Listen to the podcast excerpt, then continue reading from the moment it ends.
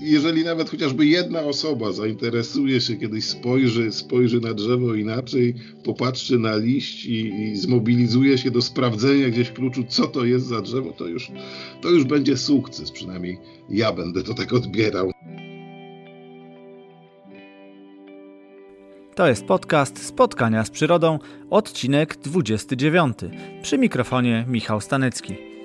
Dzisiaj po raz pierwszy w tym podcaście wchodzimy w świat roślin. Na początek usłyszycie o dużych, wielkich, czasem olbrzymich organizmach, które jednak łatwo nam przeoczyć, nawet wtedy, gdy przeszukujemy je wzrokiem, podążając chociażby za ptakami.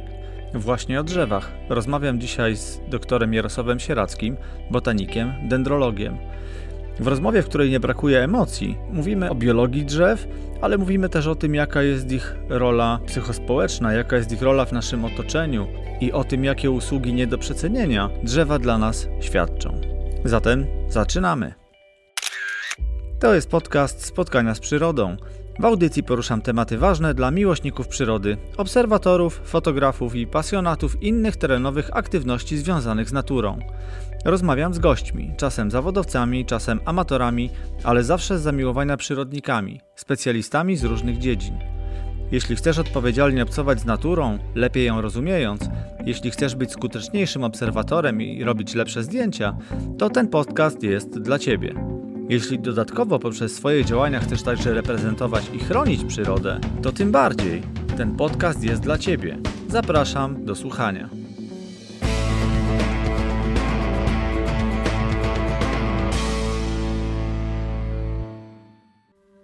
Aktualności z terenu, czyli co w trawie piszczy. Na początek tradycyjnie w kilku słowach powiem Wam o ostatnich moich aktywnościach terenowych. E, razem z żoną udało się po raz kolejny odwiedzić Dolinę Neru. Skorzystaliśmy z tego, że w dalszym ciągu bardzo licznie lecą gęsi i faktycznie w dolinie jest ich nadal e, mnóstwo. To są, to są naprawdę wielotysięczne stada i Pojechaliśmy nasycić oczy, uszy obecnością tych niesamowitych ptaków w tak dużych liczebnościach. Dodatkowym bonusem był dla nas y, orzeł przedni, którego wreszcie udało nam się zobaczyć. To było, nie wiem, trzecie albo czwarte podejście w tym roku. Przez jakiś czas ptak się nie pokazywał, a teraz znowu jest obecny. E, trzyma się rzeki, trzyma się Neru, no ale faktycznie razem z y, bielikami, no niedosłownie razem, ale, ale jak nie on, to bieliki, co trochę płoszą te wielkie stada gęsi, wspólnie mm, tworząc spektakl na, na, nad wodą, na łąkach, nad rozlewiskami, na niebie. Pewnie gęsi zachwycone nie są, natomiast dla takich postronnych obserwatorów jak my to niesamowita możliwość, żeby zająć jakieś dogodne miejsce obserwacyjne i po prostu naprawdę nacieszyć wzrok tym, co tam się odbywa. W dolinie obecne są też czajki w bardzo dużych ilościach, nadal obecne są siewki złote, które też widzieliśmy w dosyć licznym e, stadzie skowronki, pojawiły się dosyć liczne grzywacze. Tam, gdzie mamy y, jakieś drzewa, słychać już śpiewaki. Także z każdym y, tygodniem tych ptaków jest coraz więcej. Udało nam się też zobaczyć pierwszego boćka. W tamtym roku, bo sytuacja była wyjątkowa, bo najpierw zobaczyliśmy bociana czarnego, a dopiero potem białego. W tym roku dość y, typowo, aczkolwiek troszkę wcześniej niż zwykle w naszej okolicy, czyli też niedaleko Neru. Widzieliśmy mm, bociana bodajże 14, a może tak, 14 chyba marca. To dosyć wcześnie, bo zwykle po 20 w tej okolicy je odnotowywaliśmy. Jednocześnie cały czas sobie notujemy ptaki w ramach Wielkiego Roku, o którym Wam mówiłem, o którym pisałem, czyli obserwacja gatunkowych w ciągu tego roku kalendarzowego od stycznia do grudnia. Teraz na połowę mniej więcej marca mamy tych gatunków 106 i dopisaliśmy właśnie kilka w ostatni weekend. Dosyć wczesną obserwację rycyka również mieliśmy na łąkach i, i to jest też jeden z ostatnich gatunków dopisanych do listy. Ptaków przybywa. Ja dzisiaj w Łodzi w Łódzkim Parku podczas porannego spaceru z psem w ciągu, to był krótki spacer, to w ciągu niespełna pół godziny udało mi się zobaczyć i usłyszeć 22 gatunki ptaków. No jak na miejski park to całkiem fajna liczba. Także jest już motywacja do tego, żeby wstawać trochę wcześniej, zbierać się e, żwawo i, i jeszcze przed pracą e, pójść się dotlenić, przewietrzyć, a przy okazji nacieszyć oczy i uszy.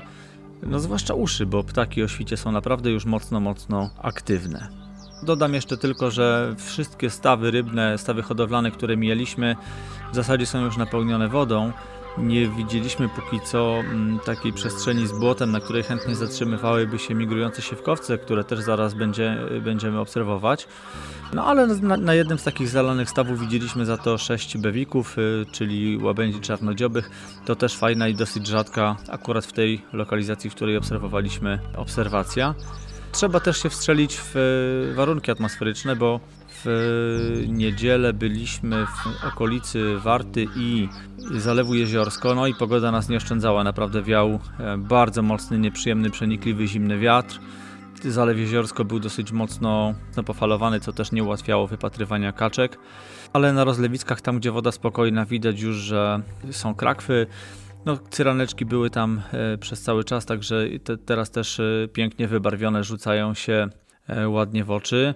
Jest dosyć dużo i to w Dolinie Neru i nad, nad Jeziorskiem, w Dolinie Bzury jest dosyć dużo świstunów, które lecą, pojawiają się rożeńce. Także cały czas coś się dzieje. Na niebie liczne, wielkie klucze gęsi, cały czas odzywają się żurawie. No jest duża aktywność w terenie, naprawdę jest duża frajda spędzać teraz czas w plenerze. Dzisiaj mamy trochę e, dłuższą rozmowę z gościem, także nie będę przedłużał. Zaproszę Was teraz do jej wysłuchania. Rozmawiam z doktorem Jarosławem Sierackim, dendrologiem, botanikiem, e, wcześniej związanym ze środowiskiem Uniwersytetu Łódzkiego, na pewno pasjonatem przyrody, wielkim miłośnikiem drzew, ale też miłośnikiem ptaków i, i generalnie aktywności terenowych, z którymi no, też wiąże się jego praca zawodowa. Jak powiedziałem we wstępie, to taka rozmowa na dosyć e, emocjonalnym poziomie, bo nie usłyszycie dzisiaj dużo jakiegoś nauk czysto naukowego języka. Rozmawiamy po prostu jak dwóch wrażliwych obserwatorów e, przyrody o fascynujących organizmach, jakimi są e, drzewa. Zachęcam Was do wysłuchania całej rozmowy. Moim rozmówcą jest botanik dr Jarosław Sieracki. Zapraszam. Dzień dobry Jarku, dziękuję, że przyjąłeś zaproszenie do mojej audycji. Cieszę się, że znalazłeś czas i możemy chwilę porozmawiać. To ja dziękuję za propozycję porozmawiania o drzewach. Bardzo mi miło będzie spędzić te kilkanaście czy tam kilkadziesiąt minut na, rozmowie o tych ciekawych organizmach. Bardzo Cię proszę, powiedz o sobie w kilku słowach e, naszym słuchaczom. Jestem przyrodnikiem, botanikiem, osobą zajm, która skończyła studia biologiczne na Łódzkim Uniwersytecie, potem przez jakiś czas pracowała jako pracownik naukowo-dydaktyczny, a teraz, e, teraz zajmuje się też zawodowo, też, też, też przyrodą, inwentaryzacjami przyrodniczymi, dendrologicznymi, fotografią przyrodniczą. Po prostu lubię przyrodę nie tylko zawodowo, ale również hobbystycznie powiedzmy. Czyli jeżeli fotografią e, przy okazji przyrodniczą, to tutaj mamy też dodatkowy wspólny mianownik, bo taką osią tej mojej przyrodniczej audycji jest e, fotografia i, i, i też bardzo często no, odnoszę się do fotografii również w rozmowach z no, pasjonatami, dla których ta fotografia jest jakimś dodatkowym tematem, a nie takim, e, że tak powiem, głównym tego obcowania z przyrodą. Także tam przez moment gdzieś zahaczę zapewne też o... Świetnie, słuchałem odcinka z Rysiem Sąsiadkiem, zresztą moim serdecznym przyjacielem i też autorem fantastycznych zdjęć. No, nie, nie robię tak, tak, tak dobrych, raczej traktuję fotografię jako dokumentację swoich poczynań różnych yy, zawodowych, a często nieraz nie, nie ma czasu na takie, na takie ładne, na takie ładne zdjęcia. Akurat Rysiek jest e, bardzo fajnym e, przykładem takiego fotoprzyrodnika, bo to jest człowiek, który też chłonie całościowo. To nie jest ktoś, kto jest zafiksowany na jednym temacie i, hmm. i nie robi czegoś za wszelką cenę. Jest po prostu takim czujnym obserwatorem, który jest bardzo często w terenie i, i faktycznie jest w stanie no, wy, wychwytywać e, dużo fajnych sytuacji, także jakby na bieżąco śledzenie jego zdjęć to taki przegląd generalnie tego, co, co w trawie piszczy w zasadzie przez cały rok, cały sezon i, i każda pora roku to to jest e, taka fajna strona tej e, fotografii przyrodniczej. Ale jak już tak do, do tych wizyt w terenie nawiązujemy, to zapytam, gdzie ostatnio byłeś, co ciekawego obserwowałeś? Ostatnio, bardzo, bardzo, bardzo ostatnio. Dzisiaj, dzisiaj byłem w fantastycznym lesie w takiej Buczynie Janinowskiej. Las Janinowski. Znam. Buczyna Janinowska. Fantastyczne miejsce. Jedna, właściwie chyba największy płat taki, taki, takiego lasu bukowego tutaj w naszej okolicy, na pewno w województwie. Bardzo dobrze zachowany, częściowo bardzo dobrze zachowany. Typowa kwaśna buczyna. No, no może w tej chwili nie jest jeszcze taka najbardziej atrakcyjna, będzie, będzie stosunkowo może mało gatunków, no ale fragment starego starodrzewiów, starego drzewostanu właściwie o każdej porze roku jest fantastyczny. A byłem tam z racji przygotowywania planu zadań ochronnych dla obszaru Natura 2000, który też w tym miejscu został utworzony dla ochrony tego, tego lasu. A tam po sąsiedzku zdaje się mamy w ogóle rezerwat chyba y, parowy janinowski, tak? tak Dobrze tak, myślę, tak, że to tak, jest to, tak, to, jest to. To, to, jest to. To jest to miejsce, tak? Rezerwat, rezerwat jest jakby w granicach tego obszaru Natura 2000. To jest taki przykład, że te dwie formy ochrony nakładają się na siebie. No ale przedmiotem ochrony w, w obszarze jest, są, są płaty, przede wszystkim płaty buczyny, to jest główny przedmiot ochrony w tym obszarze i, i i tak jak mówiłem, to jest, to jest w ogóle piękny, piękny las, piękne miejsce, duży, duży las, duży, duży powierzchniowo, więc te wszystkie procesy no, mogą tam się zrealizować po prostu na tej dużej powierzchni.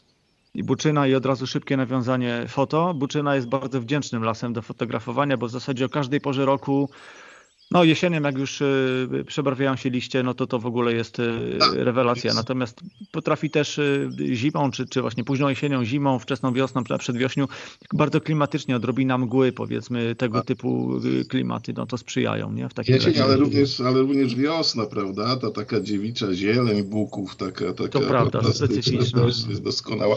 No może troszeczkę wdzięczniejsze do fotografowania są takie żyzne buczyny, prawda? Gdzieś tam, gdzie, które na przykład na Jurze Krakowsko-Częstochowskiej, tutaj najbliżej nas występują, ta, ta duża różnorodność gatunków runa, zresztą to, to specyfika, specyfika lasów liściastych, buczyn zwłaszcza, prawda, na bardzo obfite wczesnowiosenne runo z całą masą fantastycznych, kolorowych gatunków, które, które starają się zakwitnąć, zanim w tym lesie będzie za ciemno, zanim buki wypuszczą liście, zasłonią zasłonią dostęp światła i uniemożliwią e, egzystencję tym roślinom runa.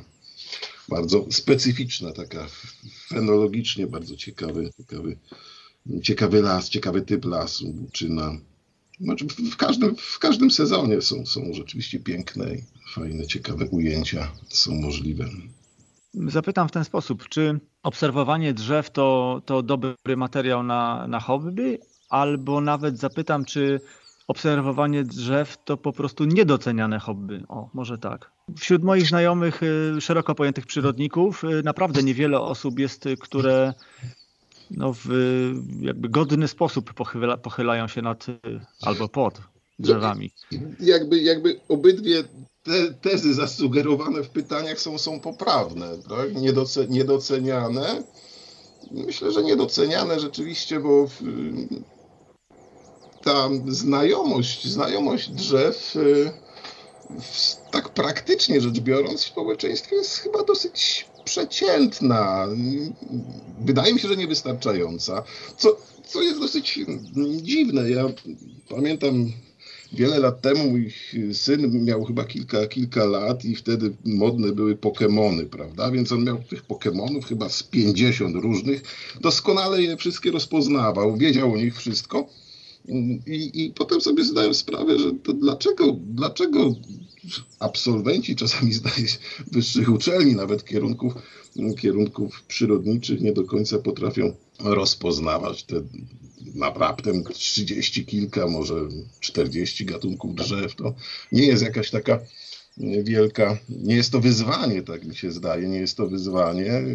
To są na pewno jakieś takie chyba braki w, w systemie nauczania. Może rzeczywiście też nie, niedocenianie może drzew, co jest y, no, takie niewłaściwe, bo, bo na dobrą sprawę dzięki, dzięki roślinom, dzięki drzewom między innymi, między innymi żyjemy. Nie, nie, nie zawsze zdajemy sobie sprawę po prostu z tego, jaki, jaki wpływ y, na nasze życie, na warunki naszego życia, komfort życia wywierają. A co do, co do czy można traktować rozpoznawanie drzew, zajmowanie się drzewami jako hobby? Na pewno tak. Nie wiem, czy, czy jest może dużo osób, które stricte rozpoznawanie drzew i zajmowanie się drzewami traktują jako hobby.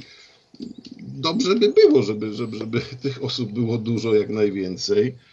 Może to być hobby, może to być hobby, bo rzeczywiście mm, może nie jest to duża różnorodność naszych rodzimych drzew, prawda? Ale w ogóle, jeżeli popatrzymy na drzewa, na tę różnorodność tutaj w skali europejskiej czy światowej, to, to, są to rzeczywiście niesamowite, niesamowite drzewa. Ja ileś lat temu byłem u takiego jednego pana tutaj gdzieś pod Łodzią, bodajże w Kalonce, który kolekcjonował w swoim ogródku drzewa, ale ty, tylko drzewa iglaste. No, zgromadził olbrzymią kolekcję. Ta kolekcja liczyła, liczy zapewne jeszcze cały czas y, nie tylko gatunki, ale odmiany poszczególnych drzew iglastych, ale ta kolekcja to idzie w setki, jeśli bodajże wtedy to chyba było półtora tysiąca różnego rodzaju taksonów, odmian, kultywarów, ponad chyba 1700 różnych takich.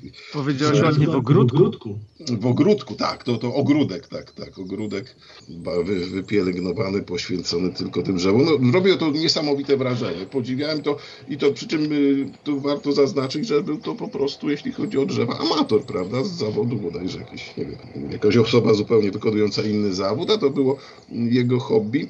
Fantastyczne, fajne, ale też przecież y, sporo ludzi w ogródkach sadzi drzewa, tworzy jakieś takie swoje, y, swoje kolekcje, y, pasjonuje się tym i to jest chyba to jest chyba właśnie to hobby, nie, nie tylko samo rozpoznawanie drzew, ale również ich posiadanie, sadzenie, może i przybiera to też i postaci, może i krzyżowanie, hodowanie takie, takie ogrodnictwo hobbystyczne też. Ja wśród e, swoich znajomych, e, no między innymi ptasiarzy, obserwatorów ptaków, birdwatcherów, no bardzo często widzę i zresztą sam się też do tego przyznaję, że no ta nasza wiedza o drzewach jest, mm, no blado wy wygląda. Mm, bardzo często zdajemy sobie sprawę z tego, kiedy no, czytamy chociażby o pewnych gatunkach ptaków, ich przywiązaniem do konkretnego środowiska, w którym wy, występują. Jeżeli jest to tak, że powiedzmy zawężamy tylko na przykład do nie wiem, lasu liściastego, jak w przypadku powiedzmy turkawki, to jeszcze pół biedy, ale jeżeli mówimy o tym, że jakieś ptaki na przykład żerują na y, konkretnych gatunkach drzew, no to się nagle okazuje, że jeżeli są to te bardziej popularne, takie powiedziałbym typowe, no to jeszcze pół biedy, ale, ale no nie, nie jesteśmy tutaj za mocni. A bardzo często jest tak, że śledząc gdzieś lornetką po tych drzewach za tymi ruchliwymi ptakami, no wydaje się po prostu, że te, tych drzew nie widzimy, że łatwo jest je przeoczyć, a to przecież są tak duże organizmy, że no, nie, niewiele mamy większych. No, jedne z największych, jeśli nie największe właściwie z żyjących. E, a no, ciekawa jest ta relacja, zawsze re, relacje w przyrodzie, w ekosystemie są ciekawe właśnie między ptakami. Przecież jest sporo gatunków takich e, ściśle wyspecjalizowanych, przywiązanych do niektórych gatunków czy rodzajów. Tutaj przychodzą na przykład do głowy krzyżodzioby. Krzyżodzioby. Mhm. Świerkowy czy sosnowy, prawie takie monofagiczne, do tego jeszcze z tym niesamowitym e, z niesamowitą sprawą, miecie dostosowania lęgów, prawda? Zimą właśnie do, do, do tych y, możliwości pokarmowych, do, przecież w tym czasie otwierają się szyszki i wysypują się nasiona.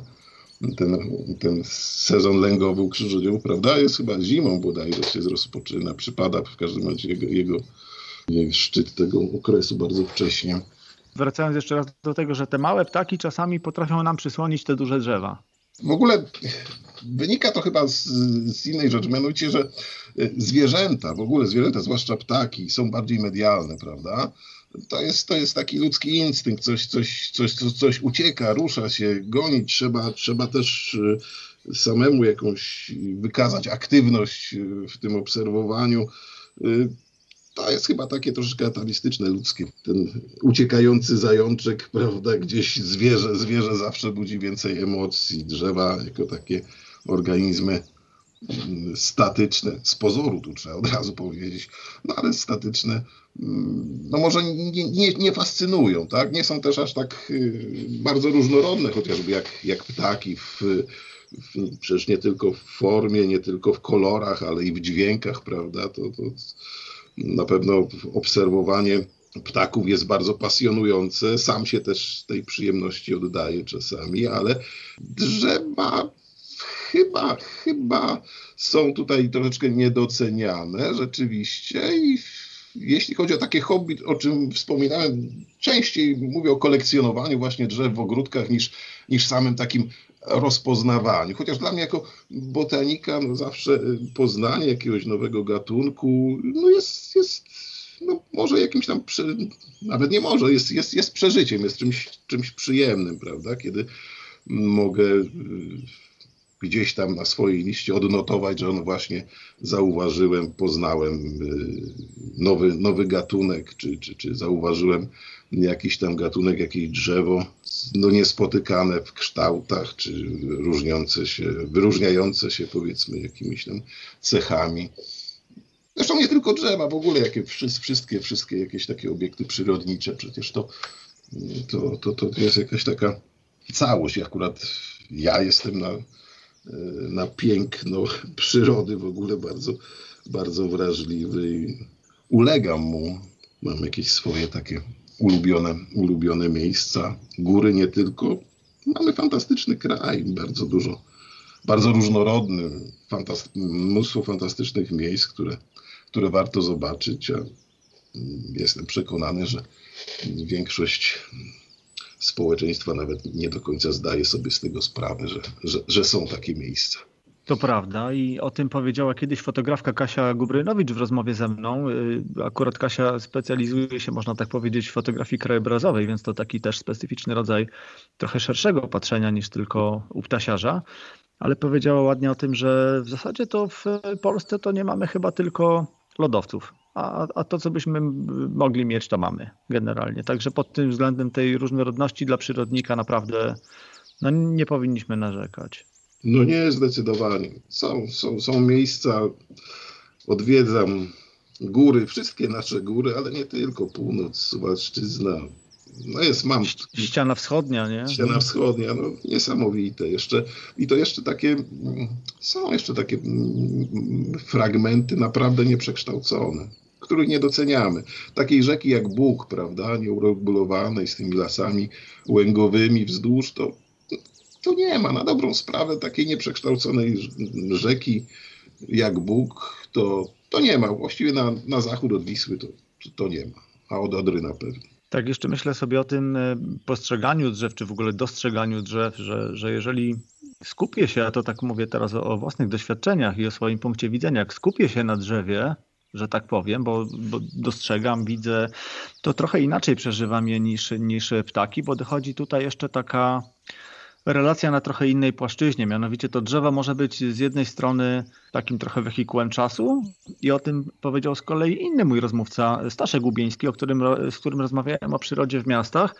I on wspominał o tym, że czasami jak zatrzyma się przy takim sędziwym drzewie i sobie pomyśli, że stali pod nim też i obserwowali je, czy badali je XIX-wieczni e, botanicy, no to gdzieś porusza to w głowie zupełnie inne, inne sfery nie? myślenia I, i jakby kwestia takiego dziedzictwa, y, za którym też przez, przez które postrzegamy w ogóle tą więź z, z naturą. No to, to to jest taka jeszcze magiczna strona drzew, nie?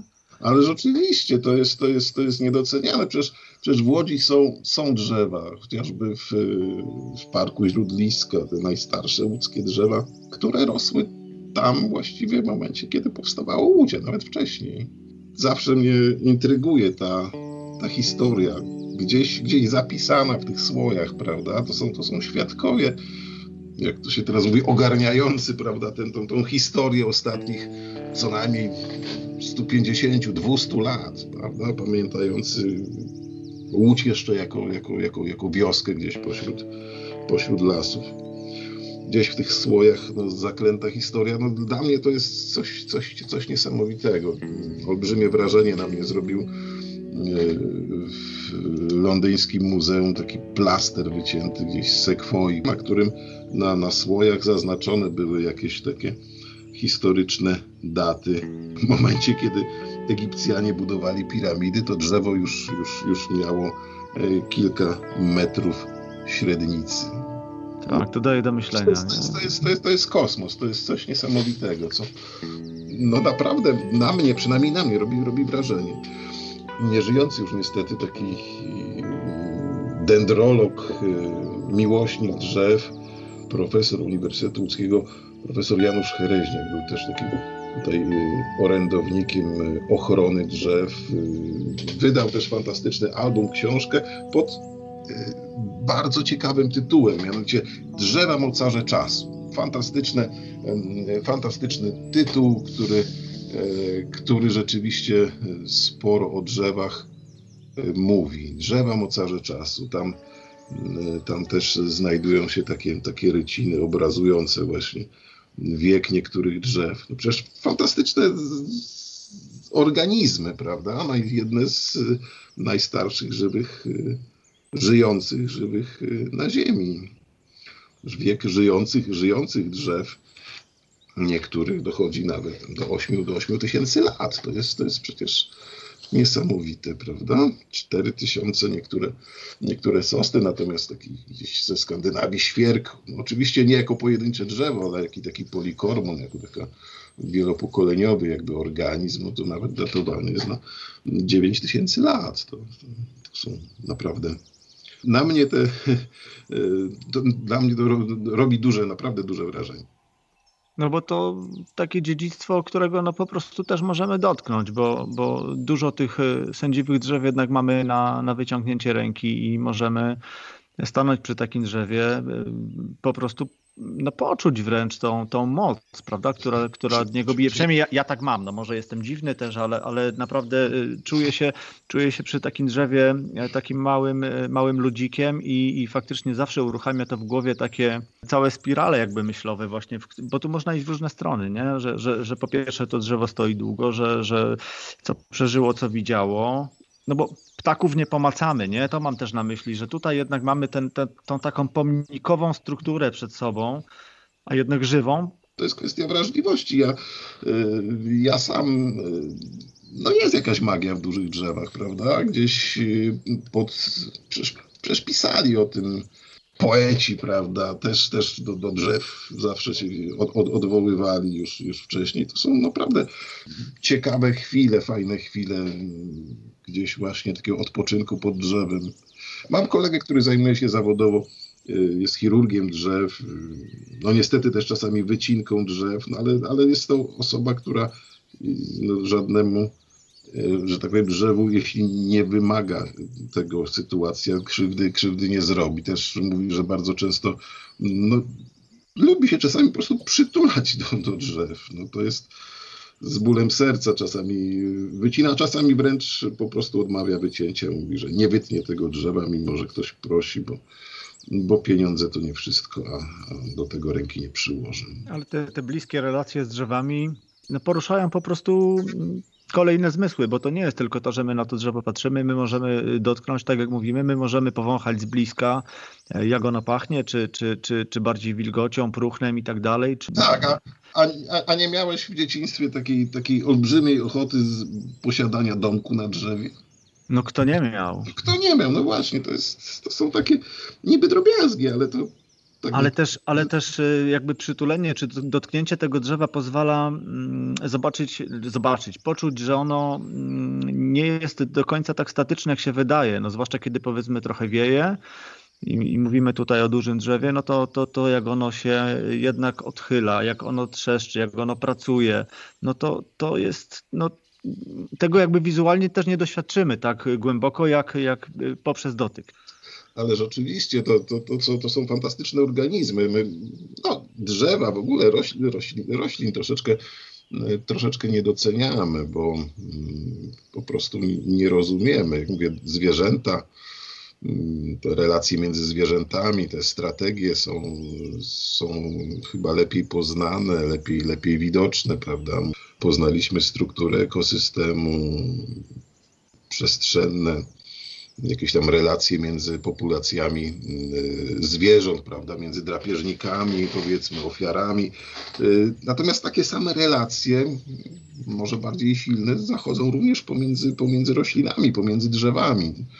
Jakiś czas temu, kilka lat temu, dużą furorę zrobiła taka książka takiego niemieckiego leśnika Petera Wolebena, prawda? Sekretne życie drzew. To taki, mhm. taki, taki tytuł, który no troszeczkę, że tak powiem, pozytywnie zamieszał tutaj, jeśli, jeżeli, jeżeli osoby e, czytały tą książkę, które no niektóre relacje między, między drzewami, między drzewami środowiskiem, po prostu taką, taki, taki rodzaj ekologii przedstawionej w taki spersonifikowany troszeczkę sposób, e, takie, takie odnosząc często różnego typu... Tak, chociażby drzewa, drzewa a, a drzewa drzewa a grzyby, drzewa a zwierzęta, y, drzewa przedstawione jako całe rodziny, które, no oczywiście tam trochę tych, tych, tych naszych cech do, do, dorzucono, żeby to tak, tak, może tak, był temat bardziej nośny, ale że sobie pomagają, że starsze młodszym, że czasami nawet te, które gdzieś tam się już nadłamało, przewróciło, jeszcze jest zasilane przez y, sąsiadów z rodziny, nie? Tak, tak, tak, tak, no, ale to, to właśnie, że zostało to w jakiś sposób spersonifikowane, daje do myślenia, tak? bo to y, jest inny język niż, niż operowanie słowami y, populacja, drapieżnik, prawda, konkurencja, Pewnie. symbioza i jeszcze inne takie bardzo skomplikowane, y, mniej lub bardziej skomplikowane terminy naukowe fantastyczna książka i chyba dużo, dużo, dużo dobrego zrobiła, pozwoliła, no może nie bezpośrednio zawodowym przyrodnikom czy naukowcom mm, spojrzeć na relacje mm, między, między gatunkami drzew, między, na relacje, na relacje ekologiczne w ekosystemie po prostu w lesie. Ale na takiej płaszczyźnie popularyzatorskiej, e, no to, no to genialna tak, robota, nie? Tak, genialna, fantastyczna, fantastyczna książka właściwie wprowadziłbym jej do obowiązkowej lektury nawet na, na, przy, nauczaniu, przy nauczaniu biologii, prawda?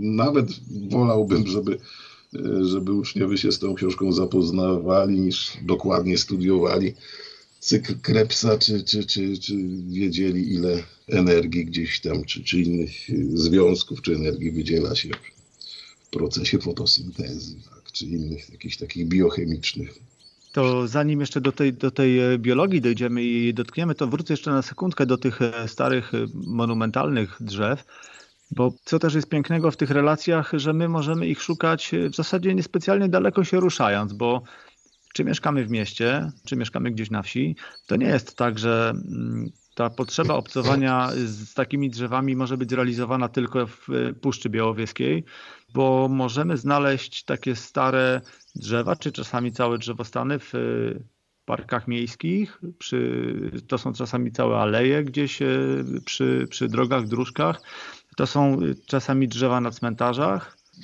coraz mniej niestety. No ja tak, wiem, wiem, tak. Dzisiaj tych, tych, tych trudnych tematów może spróbujemy tak nie poruszać, bo e, chciałbym, żeby, żebyśmy rozmawiali o tych drzewach w takim e, bardzo pozytywnym kontekście, a na, a na rozmowę o tym, co obecnie się e, dzieje w Polsce, no to pewnie będzie, będzie osobny odcinek i, i może tam no, przyjdzie czas na to, żeby też spojrzeć na to właśnie, na tą ciemną stronę mocy. Ja niedawno byłem, mieszkam w Łodzi, działkę mam niedaleko e, Bełdowa. Bardzo często jest tak, że jak e, czy idę na spacer, czy biegam z, z psami, w Bełdowie stoją sobie dwa dęby. Ja nie wiem, czy to nie są naj, e, największe dęby w województwie łódzkim. To są dwa niesamowicie grubaśne, stare e, drzewa i one rośną, rosną sobie, jeden rośnie w dosłownie linii ogrodzenia jednego gospodarstwa, drugi rośnie kawałeczek dalej na brzegu, na granicy łąki pola. I to mówię w tym kontekście, że nie trzeba do Białowieskiej, bo, bo, bo takich miejsc możemy naprawdę sporo wyszperać. Jeżeli sobie zadamy trud, poszukamy, poczytamy, to naprawdę w w wielu lokalizacjach nie jest to ogromną sztuką wytropić takie drzewa. No nie jest i może to no, przysporzyć dużo satysfakcji. Ja z racji zajęć zawodowych też uczestniczyłem w różnych takich inwentaryzacjach pomników przyrody, na przykład czy tam w niektórych województwach, czy gminach, w niektórych gminach tutaj naszego województwa i też dopiero te drzewa poznawałem. Niesamowite, nawet e, nie byłem, nie byłem świadom ich istnienia, niektórych, niektórych egzemplarzy fantastycznych, starych bo rzeczywiście niektóre są znane lepiej, inne, inne mniej. Te na przykład dęby z Parku Źródliska są, myślę, że łodzianom znane. Znany jest dąb fabrykant, prawda? Tutaj gdzieś przy rektoracie Politechniki, zwłaszcza z takich ujęć z kwitnącymi cebulicami pod nim, prawda? Czy, mhm. czy, czy, czy, jakiś stary, stary Bóg z Parku Poniatowskiego czy niektóre starsze drzewa w Łodzi, tak, dobrze opisane, ale w województwie też mamy fantastyczne y, miejsca, fantastyczne egzemplarze. Ja kilka lat temu byłem pod wrażeniem takiego dębu, y, który rośnie w parku w Kamionaczu. Nie wiem, czy kojarzysz. Y, nie, nie znam wioskę właściwie, kam, majątek kamionacz to troszeczkę bliżej, bliżej Warty, tutaj bliżej Sieradza. Niesamowity dom w ogóle, nie pamiętam, się go mierzyli, ale chyba obwody miał powyżej 8 metrów. Coś, coś fantastyczne drzewo, piękne drzewo. Bomba. Uwielbiam takie, takie stare sosny. Stare sosny, które e, rosły przy drogach, takie stare gdzieś tam zaradomskie, będą koło Żytna, takie, takie jest grupa, przynajmniej dwie, e, dwie stare sosny. Trudno określić wiek, ale też niesamowite w pokroju, właśnie takie parasolowate, rozłożyste. Widać, że te drzewa zawsze rosły w terenie otwartym, mają właśnie tak zupełnie inaczej wykształcone korony niż, niż te, te sosny sadzą. No, na sosnę to chyba trochę nas usypiają te takie lekko ponure lasy, lasy, te uprawy w zasadzie, y, no takiej drągowiny. Tak, no, takie no, marne, biedne i ta sosna jest taka, taka już zapałczana i bardzo często jest tak, że gdzieś tam na tą sosnę też nie, no nie patrzymy z takim zainteresowaniem, jakie powinniśmy oddać im, nie? No nie, ale, ale jeżeli znajdzie się tylko właściwie w rezerwatach czasami jakieś takie starsze egzemplarze, no to, to one już robią wrażenie, chociaż no nie jest to drzewo jakoś tam szczególnie, szczególnie długowieczne.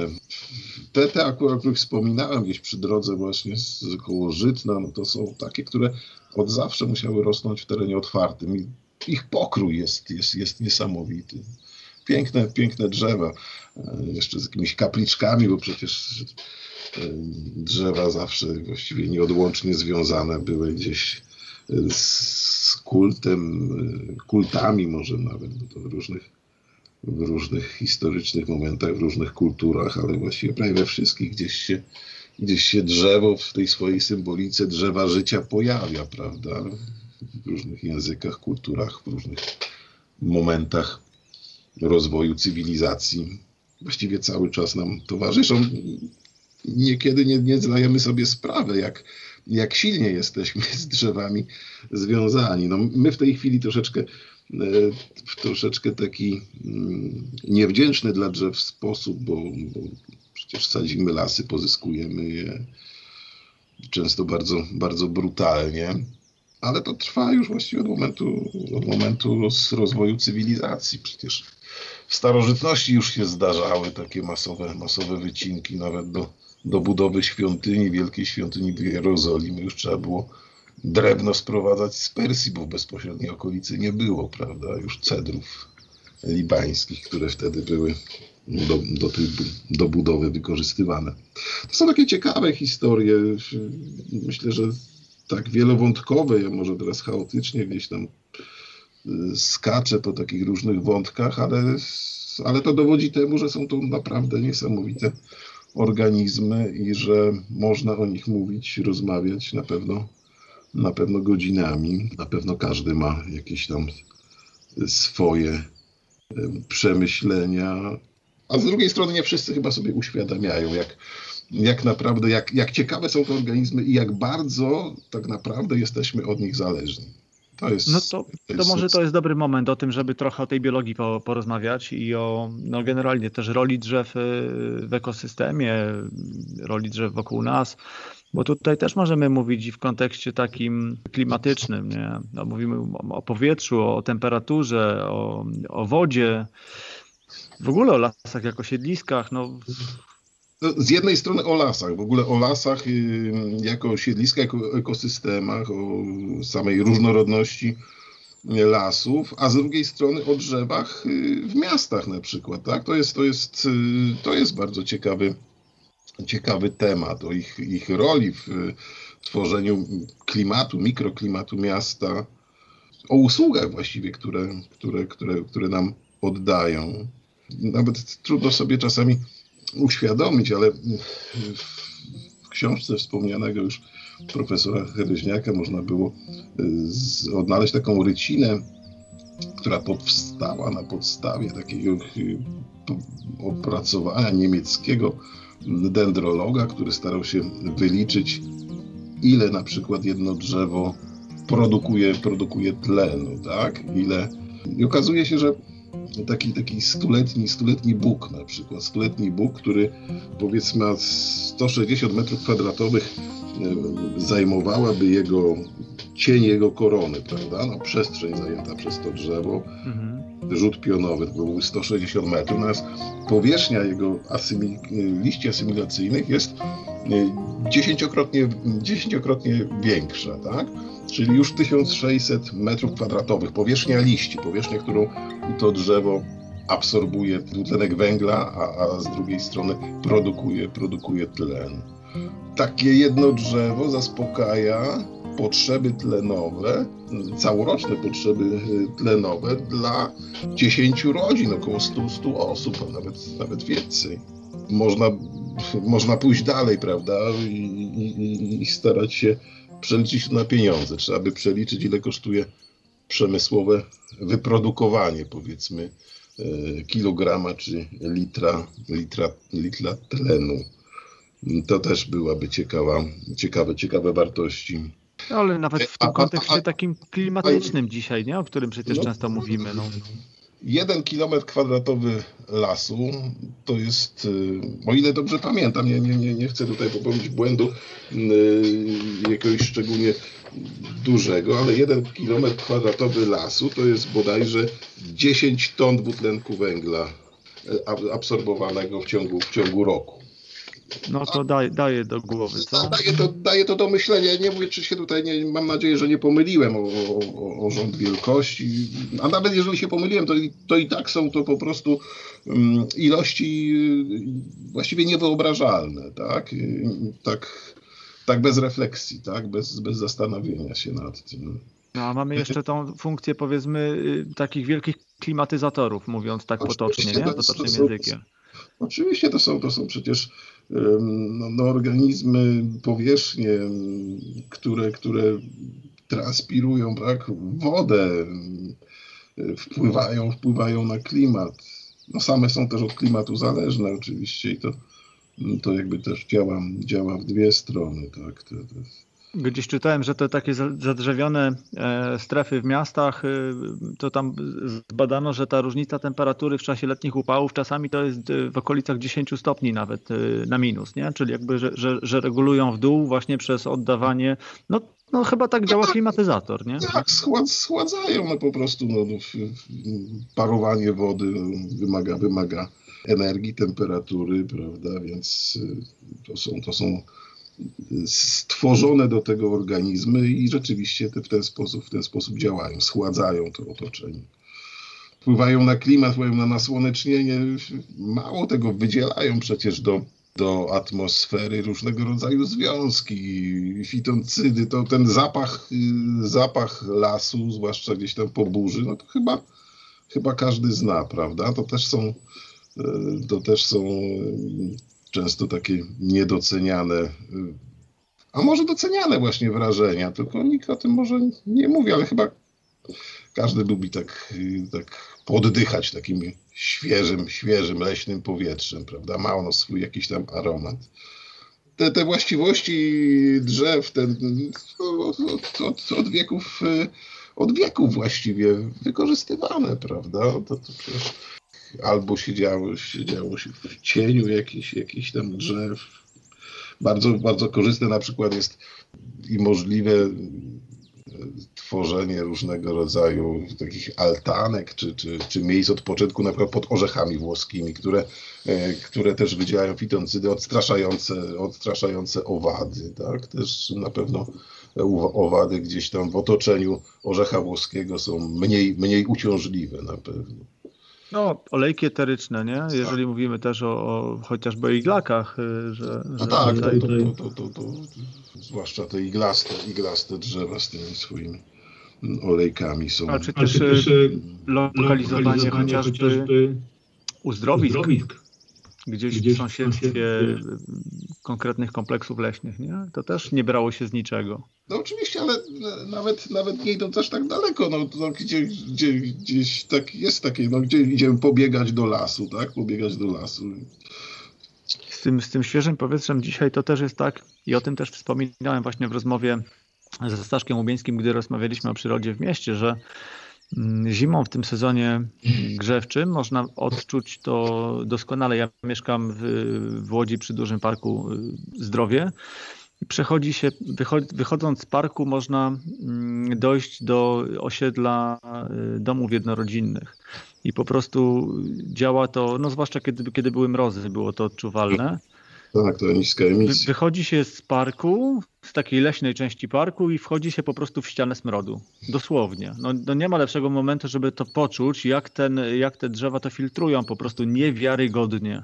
Trudno to przecenić. Rzeczywiście jest to, jest to no sam, sam las, nie tylko kwestia jakości powietrza, ale odpoczywania, prawda, spojrzenia dla mnie to jest takie mocno uspokajające, jakieś takie, takie stare drzewa, z, no właśnie jak, jak buczyny, gdzieś, gdzieś czasami się położyć, spojrzeć na te korony, takie, takie wielkie, wielkie katedry, to widać jakąś taką no, no siłę po prostu tej, tej przyrody. Dwóch profesorów y, napisało książkę, Piotr Trojanowski, ornitolog i Sławomir Murawiec, y, psychiatra. Napisali książkę o takiej mm, terapeutycznej roli ptaków kilku rozdziałach, w wielu miejscach w tej książce, no generalnie można to odnieść w ogóle do obcowania z przyrodą, że, że ta przyroda jest dzisiaj dla nas taką terapią i faktycznie, no, jeżeli zaczynamy sobie uzmysławiać, jak dzisiaj wygląda nasze życie e, i że jak bardzo potrzebujemy odskoczni e, do, do normalności, to dają nam ją właśnie między innymi e, lasy, czy chociażby parki w tych warunkach miejskich. O tym pisał w swojej książce sportowiec, który jest długodystansowym biegaczem, że las jest jego świątynią, że on w tym lesie się dotlenia, że tam umysł pracuje zupełnie na innych obrotach, że tam y, w y, trakcie treningu y, rozwiązuje się nieraz życiowe problemy, życiowe sprawy. Nigdzie się tego tak dobrze nie przemyśli, jak właśnie w takich okolicznościach w, w lesie. Ja sam przyswoiłem kiedyś od kogoś, już nawet nie pamiętam skąd, takie fajne powiedzenie, że idź do lasu, niech poukłada ci w głowie. No to to są wszystko historie, które no, nie, nie wzięły się z niczego. Tak, chyba w dużej mierze też, też dlatego, no bo przecież no jakby nie było, jesteśmy, jesteśmy elementem, częścią tej przyrody i, też podlegamy jakimś takim ogólnym, no, ogólnym prawom. Nie jesteśmy zupełnie z tego wszystkiego wyobcowani. Nie, jesteśmy mocno, mocno zależni i często nie uświadamiamy sobie, jak, jak mocno Szczerze mówiąc, ja nie znam albo znam mało ludzi, którzy, którzy gdzieś e, w domu jakieś roślinki nie hodują, jednak e, to w nas tkwi. Nie wiem, czy, czy, czy rzeczywiście jest dużo, dużo osób takich zupełnie, zupełnie niewrażliwych na, jednak na pie, no piękno, no piękno w ogóle na, roś, na rośliny, prawda? A gdzieś przecież jakie pozytywne emocje. Już od, od, od, odbiegając na momencik tylko od drzew, to e, ja pamiętam zawsze e, takie pozytywne skojarzenia, kiedy się zobaczy wczesną wiosną, prawda, przebiśniegi na przykład, czy podbiał, to, to ta nadzieja, o, idzie wiosna, jest coś... coś... Tak, taka symbolika w ogóle, nie? To jest, to jest bardzo, bardzo silnie gdzieś to w nas tkwi, często sobie może tego nie zdajemy sobie z tego sprawy, może nie mówimy, ale, ale chyba tak jest. Czyli poza tym wymiarem biologicznym y, mamy jeszcze ten psychospołeczny, powiedziałbym w ten sposób.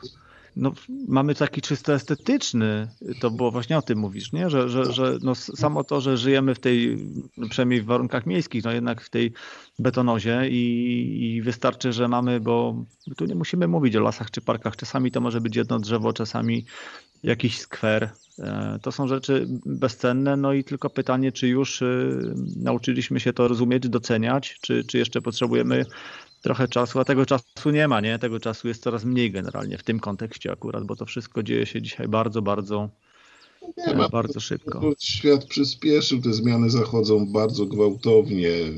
Ja obserwuję no z racji wieku, mam tą już jakąś taką perspektywę obserwowania pewnych miejsc, czy, czy lasów, prawda, czy, czy, czy drzew z takiej perspektywy tych kilkudziesięciu, powiedzmy dwudziestu, trzydziestu, trzydziestu kilku lat z tej perspektywy to już są, to już są duże, duże zmiany, prawda? Zmiany, no, no wszystko, się, wszystko się zmienia, to jest normalne, że się zmienia, tylko najczęściej nie, nie zmienia się na lepsze, niestety, nie zmienia się na lepsze.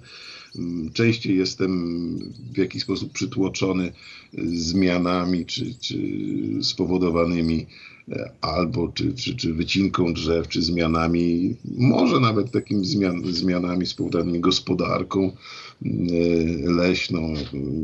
No ale nie mieliśmy, nie, dzisiaj nie mieliśmy nie mówić. Tak, przyjdzie, przyjdzie czas na to, żebyśmy się pochylili nad tą stroną. Natomiast jeszcze, jeszcze zapytam o to, bo mm, przywołałeś wcześniej taki fajny przykład tych e, Pokémonów. O tym powiedział dokładnie to samo, wyciągnął Piotr Trianowski. Powiedział, że przeprowadzono badania na młodych ludziach, na, na dzieciach i okazało się, że one są w stanie rozpoznać, tam już chyba padła nawet więcej niż tysiąc, jakaś ogromna liczba tych Pokémonów, które dzieci są w stanie identyfikować jak powiedział Piotr Tryjanowski, nie są, a nie są w stanie identyfikować mm, jakby no, życia, które widzą za oknem. I tutaj prosi się zapytać, no bo my mamy w Polsce około 70 rodzimych, tak się określa, 70 rodzimych gatunków mniej więcej? Drzewi krzewów, tak. Okej, okay, no to, no to ptaków mamy około 450 gatunków i są ornitolodzy, którzy no nie mają problemów z identyfikowaniem, oznaczaniem tych gatunków. Z drzewami nie jest lekko, z tymi krzewami też nie jest lekko. Czy to naprawdę jest tak, tak dużą sztuką, czy to jest naprawdę tak trudne? Ktoś, kto by chciał dzisiaj no pójść w tym kierunku, tak, y, rozejrzeć się w koło siebie, zaopatrzyć się może w y, Atlas, są takie fajne wydawnictwa rozmaite. No dzisiaj są nawet aplikacje w telefonach już, które gdzieś tam pomagają nam. Pomagają. Od czego zacząć? Dosyć, dosyć dobrze się spisują. E, od czego zacząć? Od, od chęci, po prostu od chęci. No. no przyjmijmy, że te chęci są. I teraz... Jak są chęci, to właściwie możliwości e, są olbrzymie. Naprawdę tych wydawnictw, kluczy, czy to kluczy profesjonalnych, czy kluczy, obrazkowych, e, zdjęciowych jest, jest bardzo dużo. To, to inaczej zapytam w takim razie która pora roku jest do tego najlepsza, żeby wystartować w tej swojej relacji z drzewami? Ale no. zaraz zapytam też o cechy. No bo mamy kształty, korę, pędy, pąki, potem liście i tak dalej, i tak dalej. Ale zacznijmy od tego, która pora roku jest.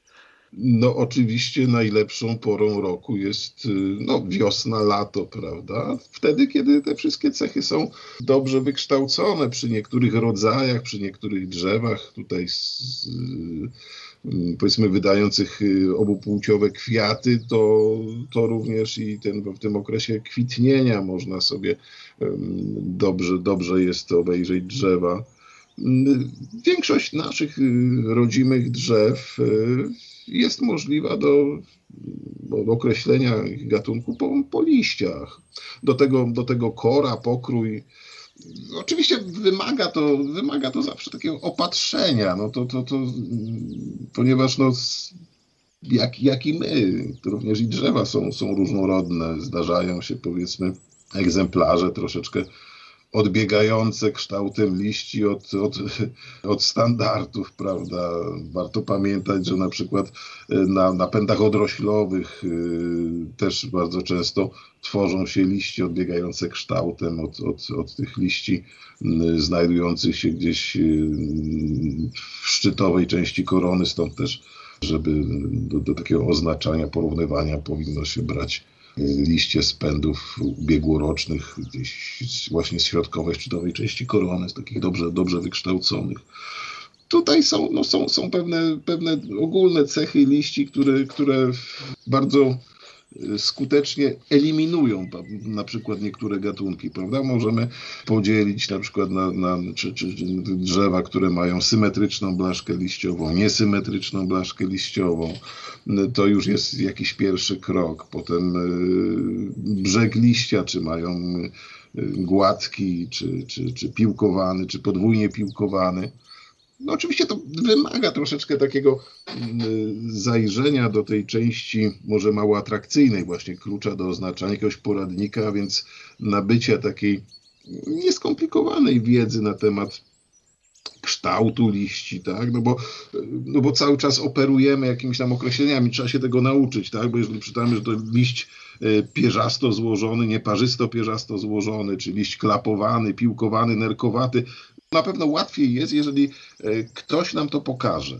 To, to, to, to, to, to zdecydowanie. Myślę, że w tym całym systemie takiej naszej edukacji przyrodniczej no, brakuje tak naprawdę e, kontaktu e, z żywym organizmem, kontaktu tylko bezpośredniego. Mhm. Właśnie nie oglądanie w komputerze, nie porównywanie zdjęć, ale po prostu dotknięcie, dotknięcie liścia. Ten liść trzeba, trzeba, trzeba dotknąć, bo on nie tylko ma kształt, ale ma swoją fakturę, prawda? Albo jest szorstki, albo jest gładki pachnie też, prawda? Jest, można, można, można go powąchać, można go dotknąć jakąś wrażliwą częścią ciała, tak? Po, pogłaskać się tym liściem po poliku, prawda? Sprawdzić, czy rzeczywiście jest szorstki, czy gładki. To wszystko, to wszystko, to wszystko pomaga. Najlepiej jest, jak ktoś ktoś, kto wskaże, tak? Jak będzie jakiś nauczyciel, tu jakaś osoba, która, która, która zna, zna się na tym i tą wiedzę może, może przekazać. To jeszcze tak to, to, jest, to jest skomplikowane, to jest naprawdę, to jest taka liczba tych, tych gatunków, y, jak się zupełnie, zupełnie ogarniana. No oczywiście nie mówię tutaj o, o jakimś tam szaleństwie różnego rodzaju kultywarów i, i odmian, y, ale to nie o to chodzi, nie o, nie o to chodzi. Wystarczyłoby znać naprawdę dla mnie te kilka naście, no kilkadziesiąt, powiedzmy trzydzieści rodzimych gatunków, gatunków drzew, powiem wręcz, że, że żeby to by wypadało. Dla mnie byłoby to wpisane w jakąś taką elementarną. Może nawet kulturę. Kulturę, przyzwoitość po prostu. No, zwyczajnie chciałbym, żeby tak, żeby tak było. No, A czy, czy przy obserwacji drzew zdarza Ci się używać lornetki? Naszło mnie teraz takie pytanie, bo wiesz co, pomyślałem sobie na przykład o szyszkach, które no powiedzmy gdzieś tam są zlokalizowane wysoko, wysoko u u szczytu drzewa chociażby, żeby się im przyjrzeć na przykład. Czy ta lornetka no, może być pomocnym narzędziem, nie? Oczywiście, że tak. Może i często jest, bo a niekiedy dochodzi do śmiesznych sytuacji, kiedy drzewa rosną, rosną blisko siebie. Zdarza się, że jak gdyby gdzieś te e, konary, gałęzie się przemieszają, taki rzut oka. No wiele razy gdzieś się tak sam, e, sam nabrałem, że tak powiem. Myślałem, że to jest zupełnie, zupełnie inne, inne drzewo a dopiero jakieś takie mm, spojrzenie przez lornetkę, czy takie na, na, na spokojnie e, zaowocowało właściwą, właściwą diagnozą i rozpoznaniem. Z reguły, jeśli chodzi o odróżnianie rodzimych gatunków, to, to, to one od siebie na tyle się różnią, że właściwie nie byłoby problemu, ale, ale rzeczywiście powiedzmy te gatunki obcego pochodzenia, te, te wszystkie hodowlane, ozdobne, no to tutaj to już jest szaleństwo. To, to, to rzeczywiście najczęściej jaka to jest odmiana, czy czasami egzotyczny gatunek, to na dobrą sprawę wie tylko hodowca, bo, bo wie z etykiety, wie, że to hoduje, opatrzy się z tym, ta, ta różnorodność krzewów, prawda, różnego rodzaju krzewów ozdobnych, no jest, y, jest porażająca i to ja nawet z jakąś tam dużą praktyką się w wielu przypadkach nie, nie, nie, nie podjął i, i też musiałbym używać y, klucza, używać narzędzi, które taką poprawną identyfikację dopiero by umożliwiły. No, to takie powiedziałbym egzotyczne czasami mieszanki mogą się trafić właśnie w parkach, mogą się trafić w starych ogrodach, gdzie przy jakichś dworach, y, no bo kiedyś też z fantazją no wsiedlano po prostu, nie? Takie, mm, takie gatunki z uwagi na tą właśnie estetykę, na ich te walory ozdobne. Tak, ale jeszcze oczywiście, no przecież te przy niektórych dworach, parkach, no rosną też i egzotyczne drzewa. Przecież platan jest właściwie gatunkiem egzotycznym do nas sprowadzonym. Najstarszy zresztą, co, co, o czym informuje tabliczka, rośnie przy parku w Nieborowiu. To był pierwszy platan sprowadzony, sprowadzony w XVIII wieku bodajże tutaj do, na tereny Polski. Do dzisiaj, do dzisiaj rosną takie dwa, dwa platany po, przy, przy rogach pałacu w Nieborowie czy, czy kasztany jadalne, prawda, też gdzieś, czy wreszcie, zresztą fantastyczne w formie takie dęby szypułkowe w takiej starej odmianie koster, takiej, takiej stożkowej. Fantastyczne dwa rosną naprzeciwko dworu czy pałacu w Walewicach na przykład. Bardzo ciekawe w formie.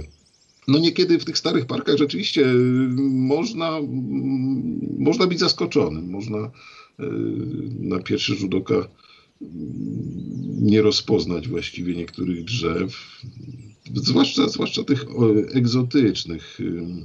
No to, to już potem kwestia doświadczenia, prawda? opatrzenia się, no jak, jak ze wszystkim. No, z ptakami tak samo jest, prawda? To też, też, też, też te godziny gdzieś spędzone w terenie, słuchanie głosów, to jest. Y, no i też dodawanie sobie cech poszczególnych, nie? bo to też tak naprawdę jest tu analogia. No, porównajmy, nie wiem, wielkość dzioba, kształt dzioba, y, kolory ptaka, długość pióra tu, długość pióra tutaj, czy stosunek do jednego do drugiego, y, kolor nóg, no to są takie rzeczy, nie? Jak, jak, jak Oczywiście, ale też, samo ale, będzie. Ale, ale, ale, też takie bardziej ogólne, przecież jak, jak, jak tak ogólnie, no spójrz, jeżeli sylwetkę ptaka jakąś tak skojarzysz, prawda? Albo siedliskowo, do tego jeszcze siedliskowo eliminujesz niektóre gatunki, wiesz, no, a to mogło być to, no nie, ale przecież to tutaj nie, nie powinno, nie powinno występować, to nie, nie, ten, nie to siedlisko, więc pewnie to jest coś innego. Tak samo, tak samo jest z drzewami. No, z drzewami powiedzmy, no mi niekiedy starczy spojrzenie, pokrój drzewa i, już, już wiadomo, co to jest za, za gatunek, a niekiedy przy tych egzotycznych gatunkach, no to trzeba podejść, trzeba obejrzeć dokładnie, prawda? Na przykład takie sporo przecież odmian ładnych drzew, krzewów, yy, na przykład cyprysiki, tak? Cyprysiki, różne różne gatunki, jeszcze w odmianach, to jest, czy, czy jałowce, to jest, to jest czyste, czyste szaleństwo. To, to, to są dziesiątki odmian, prawda, odmian różniących się pokrojem, barwą, niekiedy zupełnie m, mm, tak dalece już zmienionych, skrzyżowanych, m, mm, że nie przypominających właściwie tych y, gatunków, prawda, gatunków y, tych wyjściowych egzemplarzy. Mówimy tutaj o gatunkach drzewa, często jest tak, że no, znowu nawiązując do ptaków, czytamy, że jakieś gatunki występują w konkretnych rodzajach lasów.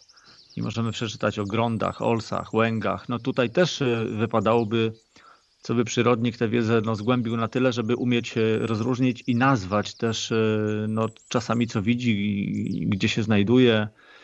Tak, oczywiście, no bo, no bo przecież e, no, lasy, te ekosystemy leśne zbiorowiska leśne też się od siebie różnią, tak? Różnią się e, strukturą gatunkową, e, nie tylko drzewostanu, prawda, ale też e, roślin, roślin runa. Taki, taki zgrubny podział to oczywiście wszyscy, wszyscy mamy.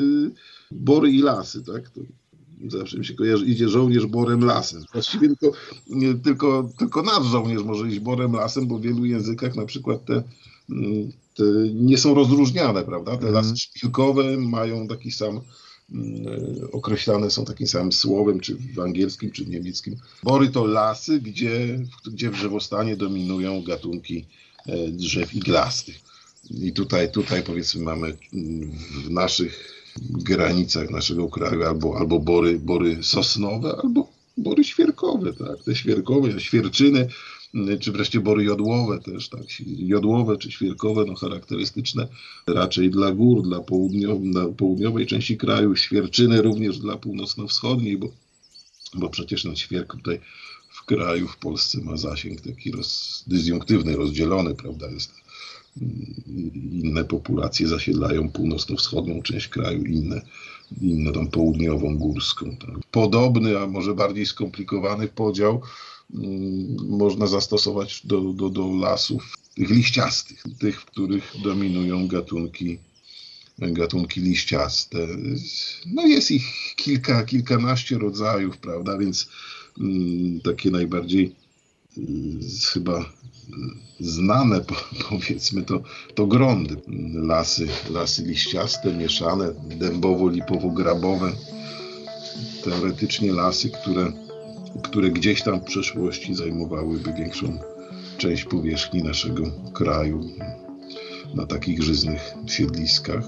Inny rodzaj lasów to na przykład dąbrowy, tak? Dąbrowy, gdzie, gdzie, gdzie drzewostanie dominuje właściwie dąb szypułkowy czy bezszypułkowy. Tutaj dalej można te dąbrowy wyróżniać kilka, co najmniej kilka mm, takich no, rodzajów dąbrów, tak? czy kwaśna dąbrowa, czy świetlista dąbrowa. Inny typ lasów to te lasy, w których dominują buki. To na początku naszej rozmowy mówiliśmy mhm. janinowskie, więc buczyny. Tutaj też, czyli te lasy, w których w drzewostanie prawie absolutnie dominuje bóg.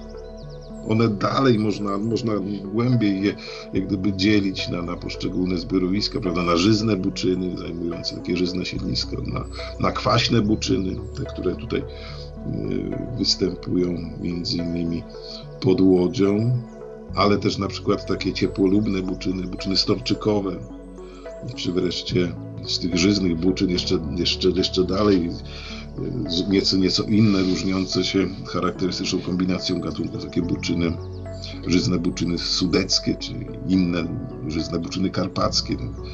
Tutaj już to położenie geograficzne ma znaczenie też i oczywiście cała ta struktura takich, takich zbiorowisk roślinnych.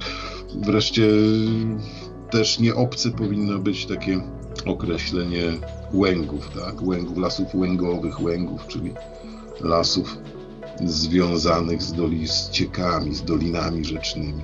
Najczęściej lasów z udziałem olszy czarnej, jesiona, wiązu, podobnej może troszeczkę, ale o bardzo specyficznej strukturze to olsy, tak? Olsy, gdzie drzewostanie dominuje olsza, ale sam las ma taką kępkową strukturę, jest aż do, do, do, do, do lata, wczesną wiosną, często zalany w wodzie, prawda? Te olsze stoją, stoją, takie wyraźne kępy, często między kępami jest lustro wody, roślinność szuwarowa, to są te najważniejsze, te zasadnicze takie rodzaje, powiedzmy, lasów, lasów liściastych.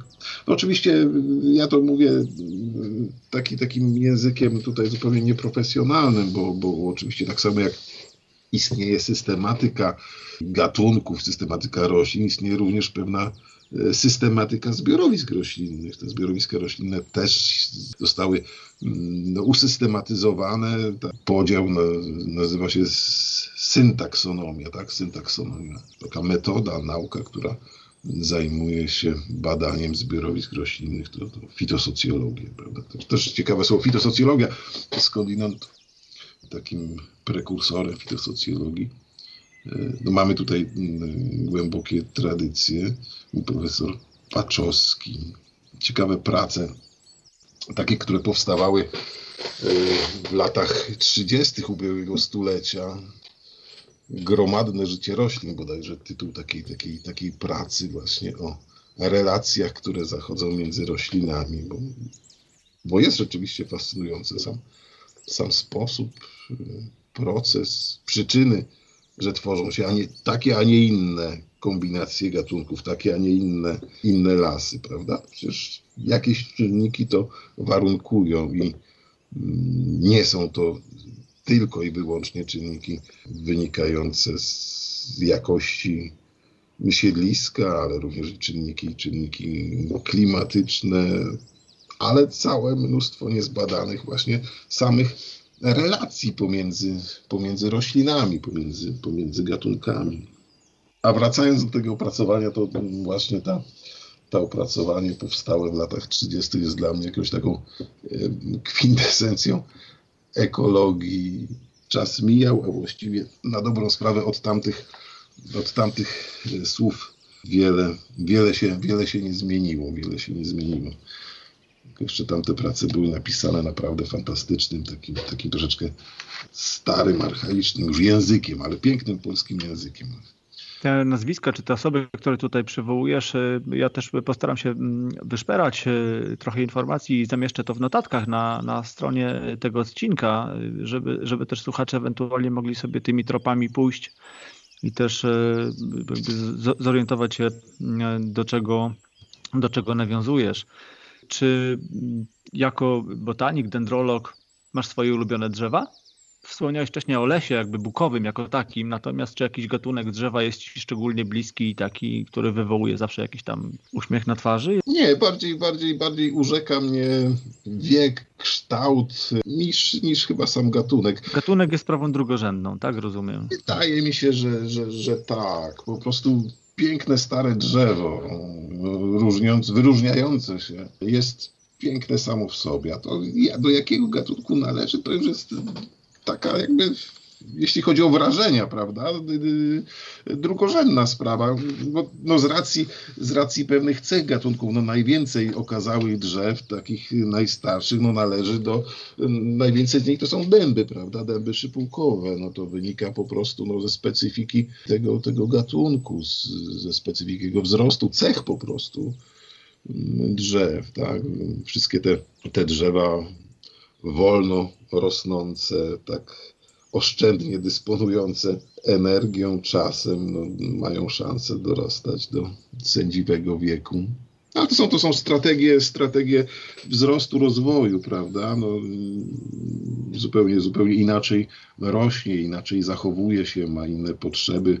Brzoza, powiedzmy topola, zupełnie, czyli te drzewa szybko rosnące, pionierskie, a zupełnie inaczej dąb, prawda? Czy, czy, czy, czy bóg. To są zupełnie inne strategie wzrostu, sposobu wzrostu, rozmnażania, reagowania na, na, na, na zmiany, przystosowania do, do, do siedlisk niesamowite są właśnie takie strategie, strategie rozwoju drzew, y, zresztą wszystkich organizmów, prawda? Jakby sprowadza się to wszystko do, do takiego może naiwnego stwierdzenia, ale każdy jakiś gatunek, każdy nawet organizm ma swoje miejsce jest potrzebny, prawda? W jakiś sposób jest, jest jakimś elementem, elementem układanki i jest elementem istotnym jest elementem potrzebnym. Nie ma niepotrzebnych elementów, tak? Nie ma zbędnych elementów.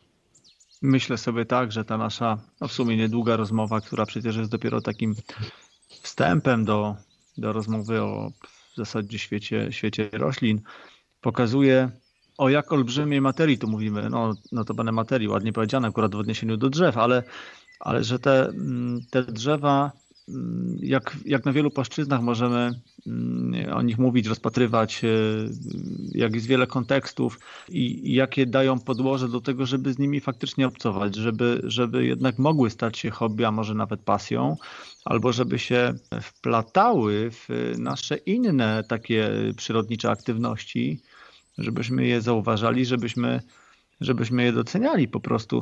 Jeszcze przypomniała mi się jedna myśl, to chyba słyszałem w rozmowie z Adamem Wajrakiem, on powiedział, że jak pierwszy raz przyjechał do Puszczy Białowieskiej i zobaczył puszczę na własne oczy, to pomyślał sobie, kurde, ten, ten, ten bałagan, przecież w którym też y, bardzo często no, widać pewnego rodzaju jednak harmonię. To wszystko jest tak, tak złożone, tak skomplikowane, tak nieogarnialne, że tak powiem brzydko.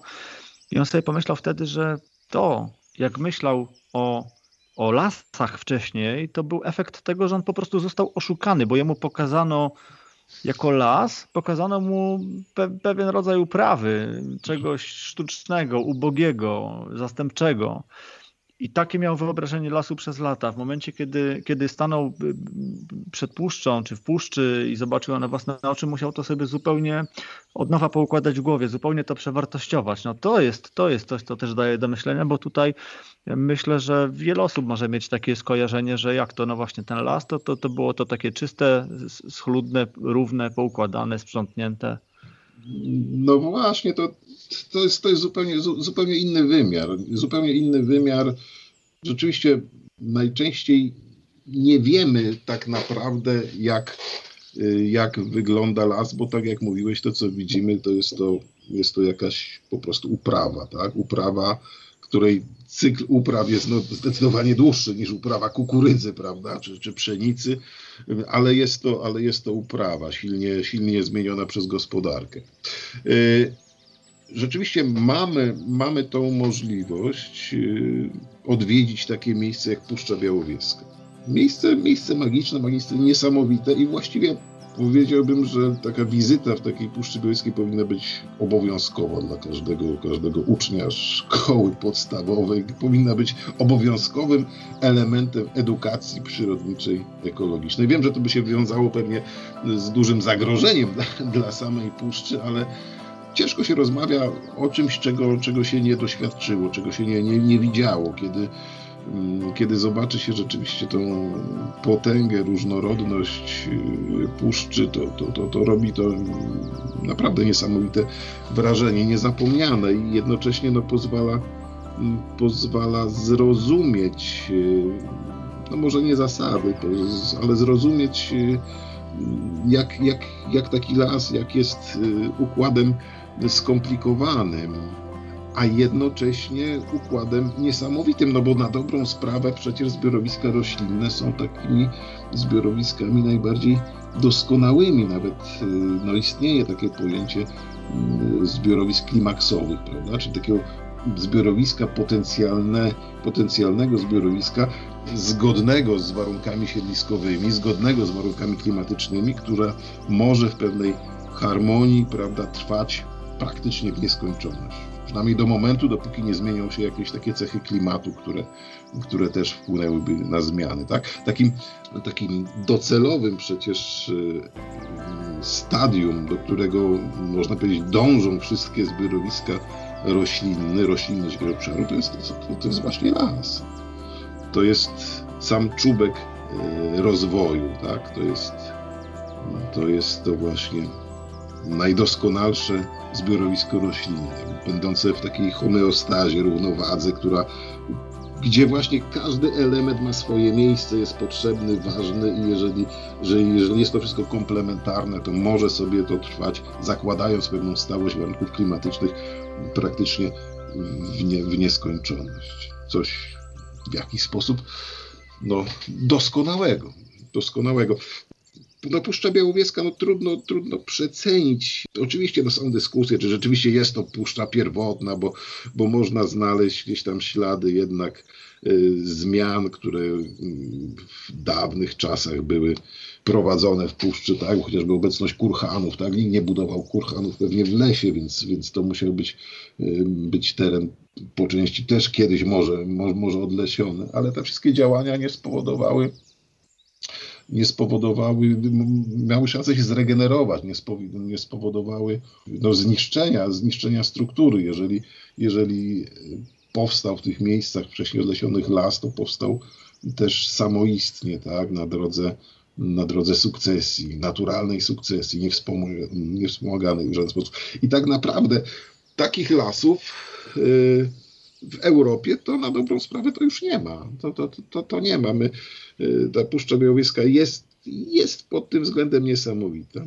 Znam jedno miejsce, jeden rezerwat tutaj w województwie łódzkim, który jeśli chodzi o walory takie, takie jest do Puszczy Białowieskiej bardzo podobny i, i zbliżony. Taki jeden z rezerwatów gdzieś na południowej granicy naszego województwa, to, to też jest niesamowity las.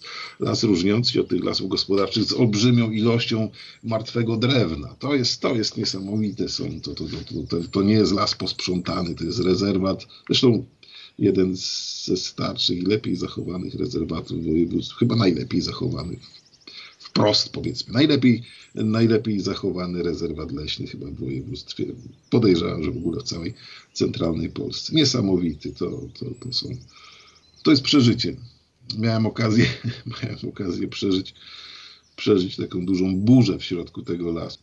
No, byliśmy tam z racji tworzenia planu zadań ochronnych. No, to, to jest też wrażenie, wrażenie robiły na przykład nocne nasłuchy nietoperzy, tak? znalezienie drzew właśnie gdzieś z pokładami z pokładami gułana, czyli takich noclegowisk nietoperzy. Mówiliśmy o, o, o, emocjach, o przeżyciach gdzieś tam w jednym momencie, no to powiem, że, że, że to, jest, to, jest, to jest przeżycie. Już nie, nie, nie, nie tylko gatunki, ale las. Fantastyczny taki, no, no nie pier, pierwotny. Gdyby był pierwotny, no to super, no ale naprawdę idealnie wykształcony las ze wszystkimi elementami jego struktury przestrzennej, pionowej, poziomej, z, z gatunkami i, i, i, drzew, i roślin.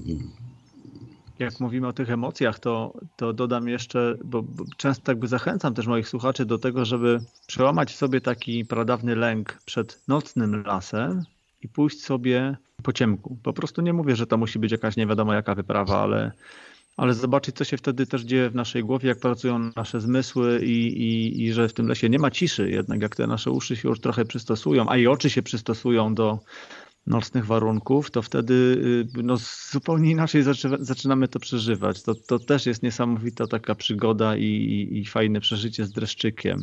Tak, tak, no dla, dla, dla mieszkańców miasta szczególnie to jest przecież zupełnie taka ziemia, ziemia nieznana i, i, i może troszeczkę przerażająca. No, tym bardziej, że jesteśmy przesyceni światłem i hałasem, dźwiękiem, więc no tutaj ta, ta, ta relacja jest zupełnie inna. Zmierzając do końca naszej rozmowy, wspomnę jeszcze o tej mm, powiedzmy edukacji ekologicznej, czy, czy, czy lasach i drzewach w edukacji ekologicznej. Z jednej strony wspomniany już wcześniej Stanisław Łubieński, który napisał książkę 12 srok za ogon. W tej książce wspomniał o tym, że jak nauczymy jak nauczymy, czy jak, czy jak wyjaśnimy, czy jak będziemy w stanie wytłumaczyć ludziom, dlaczego musimy ocalić w mieście zielony skwerek, to nie będziemy wtedy musieli tłumaczyć, dlaczego bezcenna jest Puszcza Białowieska i nie powinniśmy jej ciąć. Fajna myśl i bardzo, bardzo też gdzieś mi tam głęboko została w, w głowie. Natomiast idąc jeszcze dalej z tą edukacją ekologiczną i nawiązując do Puszczy Białowieskiej, to pamiętam, jakim przeżyciem dla nas no, samo w ogóle znalezienie się w takiej, w takiej świątyni, w takiej katedrze przyrodniczej, jaką, jaką jest rezerwat ścisły w Puszczy Białowieskiej, w towarzystwie przewodnika takiego jak Arek Szymura, to pomyśleliśmy sobie z żoną, że to była najbardziej niesamowita lekcja biologii, ale też z elementami historii, geografii, po prostu jaką, jaką w ogóle mogliśmy przyjąć, jakiej nigdy w szkole nie przeżyliśmy. To było po prostu niesamowite, zapadające w pamięć doświadczenie.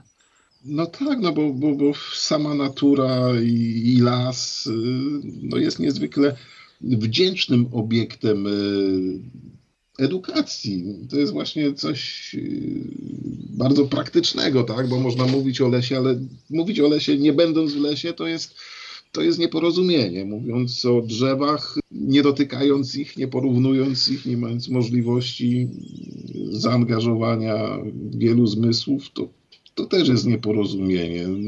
Uczyć się rozpoznawania drzew, nawet na materiałach silnikowych, na suchych, również, również nie.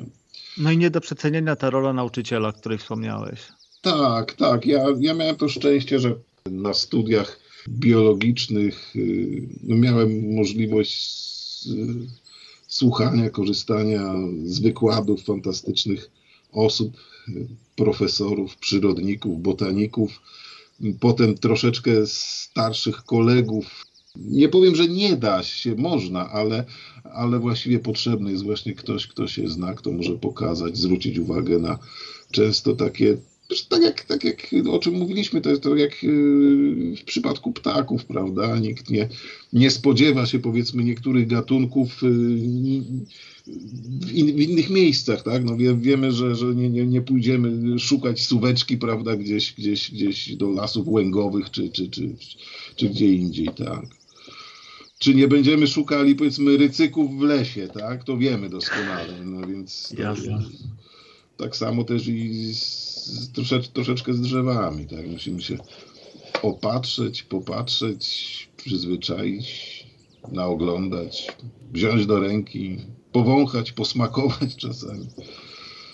Jarku, bardzo Ci dziękuję za tę rozmowę. Y, no, chciałem powiedzieć, że otworzyłeś nam drzwi do lasu i otworzyłeś nam drzwi do, do drzew, jakby to głupio nie brzmiało. A, a propos w Puszczy Białowieskiej mamy bramę do lasu, więc jakby można tak powiedzieć. Tak, tak.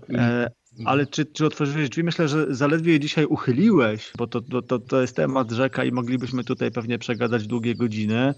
Przed nami taki fajny czas, bo teraz przedwiośnie, za chwilę ruszy wiosna i tutaj też y, no, będzie pewien konflikt interesów, bo jako ptasiarz, no to powiem tak, że dla mnie marzec i połowa kwietnia to, są, to jest najlepszy czas, no bo ptaki lecą, przylatują, wracają, e, odzywają się, śpiewają i jeszcze je widać, bo nie ma liści. Potem jest eksplozja zieleni, ale teraz w drugą stronę sobie pomyślałem, że kurczę, jak przychodzi potem ten czas tej, tej późnej wiosny, kiedy ptaki już milkną, bo już czas lęgów, no to właśnie warto się wtedy może przerzucić, no po prostu docenić drzewa i, i wtedy się trochę prze, przekierować i, i, i, skanować trochę pod innym kątem, nie? Zawsze, zawsze warto, ale e, akurat teraz mówimy o, o, o przedwiośniu, prawda? Ciekawa jest też niesamowita biologia drzew, prawda? To ich budowa, budowa anatomiczna, budowa kwiatów na przykład, tak? No bo czy ktoś, czy ktoś widział, jak, jak, kwitną, jak kwitną dęby? Czy ktoś wie, że teraz kwitną leszczyny, że są... Że są alergicy wiedzą. Że mają alergicy, tak. Ale... Alergicy wiedzą, że kwitną, ale nie wiedzą, jak wyglądają te drzewa. Że, że, że, że mamy jakieś zwieszające się takie kwiatostany męskie w tej chwili, że te żeńskie najczęściej e, nikt, nikt nie zauważa, pomija. Czy, czy, czy wiedzą, jak, jak kwitną olsze czarne na przykład, czy, czy, czy potem brzozy, tak? Czy, oczywiście mówimy, że kwiaty to kwiaty na przykład jabłoni, te, te obupłciowe, ale to, to, to nie jedyne kwiaty, e, bo są też kwiaty zupełnie niepozorne, właśnie samo, samo rozmnażanie się roślin, czy, czy, czy, czy, czy wiatropylność, czy owadopylność, ich relacje ze zwierzętami, to rzeczywiście tematy na, na, na, może na kolejne rozmowy, jeżeli, jeżeli kiedyś będziemy mieli okazję, to będzie mi bardzo miło, no jeżeli, jeżeli byłoby takie bardzo chętnie, no, bardzo chętnie wrócę, bo, bo myślę, że to... to zainteresowany tą... tą... Świat, świat roślin na pewno na to zasługuje, a, a w pierwszej kolejności y, skupialiśmy się na, na innych rzeczach, więc jakby tutaj trzeba oddać też y, roślinom to, co im się należy. No, raz jeszcze bardzo dziękuję za tą arcyciekawą rozmowę. Faktycznie może potraktujmy ją jako, jako wstęp do, do dużego, grubego tematu i spokojnie sobie kiedyś wrócimy i jeszcze będziemy drążyć kolejne zagadnienia. No Wszystkiego ja, dobrego. Ja dziękuję za zaproszenie. Przepraszam może za, e, za często takie jakieś e, niefachowe określenia, ale to w dużej mierze właśnie po to, żeby, żeby ta problematyka była e, dostępna, przekazana właśnie takim, takim takim Dokładnie o to chodzi. Język, tak, mamy, językiem, bo, prawda? Mamy popularyzować, mamy zachęcać i, i wcale nie chodzi o to, żeby tutaj przytaczać jakieś naukowe elaboraty, bo, bo, bo to zawsze można sobie gdzieś tam zgłębić, poszukać, natomiast na tej ogólnej płaszczyźnie warto jest po prostu gdzieś tam uchylić okienko, uchylić drzwi, pokazać, że jest obok nas na wyciągnięcie ręki. Jeszcze jeden fajny świat, mówiąc mocno w przenośni, jeżeli nawet chociażby jedna osoba zainteresuje się, kiedyś spojrzy, spojrzy na drzewo inaczej, popatrzy na liść i, i zmobilizuje się do sprawdzenia gdzieś w kluczu, co to jest za drzewo, to już, to już będzie sukces. Przynajmniej ja będę to tak odbierał, że to będzie sukces naszej rozmowy. I zgadzam się, zgadzam się. W pozytyw, pozytywny odbiór. Świetnie. Bardzo dziękuję. To życzę fajnego tego wiosennego czasu w terenie. Wszystkiego dobrego. Dziękuję również. Wszystkiego dobrego. Do usłyszenia. Do widzenia. Wysłuchaliście rozmowy z Jarosławem Sierackim, botanikiem, dendrologiem. Dzisiaj to taki e, nasz pierwszy krok, jeżeli chodzi o to wejście w świat e, roślin. Jak słyszeliście, Jarek zapewnił, że jeżeli, jeżeli tematyka spotka się z Waszym pozytywnym odzewem, da się po prostu zaprosić e, ponownie i będziemy mogli w ten świat roślin zagłębić się troszkę bardziej, poruszyć kolejne tematy. Może będą też, będzie też okazja do tego, żeby o pewne rzeczy zapytać już dosyć konkretnie. Być może podejść też do tematu e, czy tematów bardziej warsztatowo. Jestem ciekaw waszych, waszych opinii. Liczę na to, że się nimi ze mną podzielicie w komentarzach do, do tego odcinka. W rekomendacjach, no dzisiaj tradycyjnie będą książki i to nie jedna. Zaczniemy od przewodników, atlasów.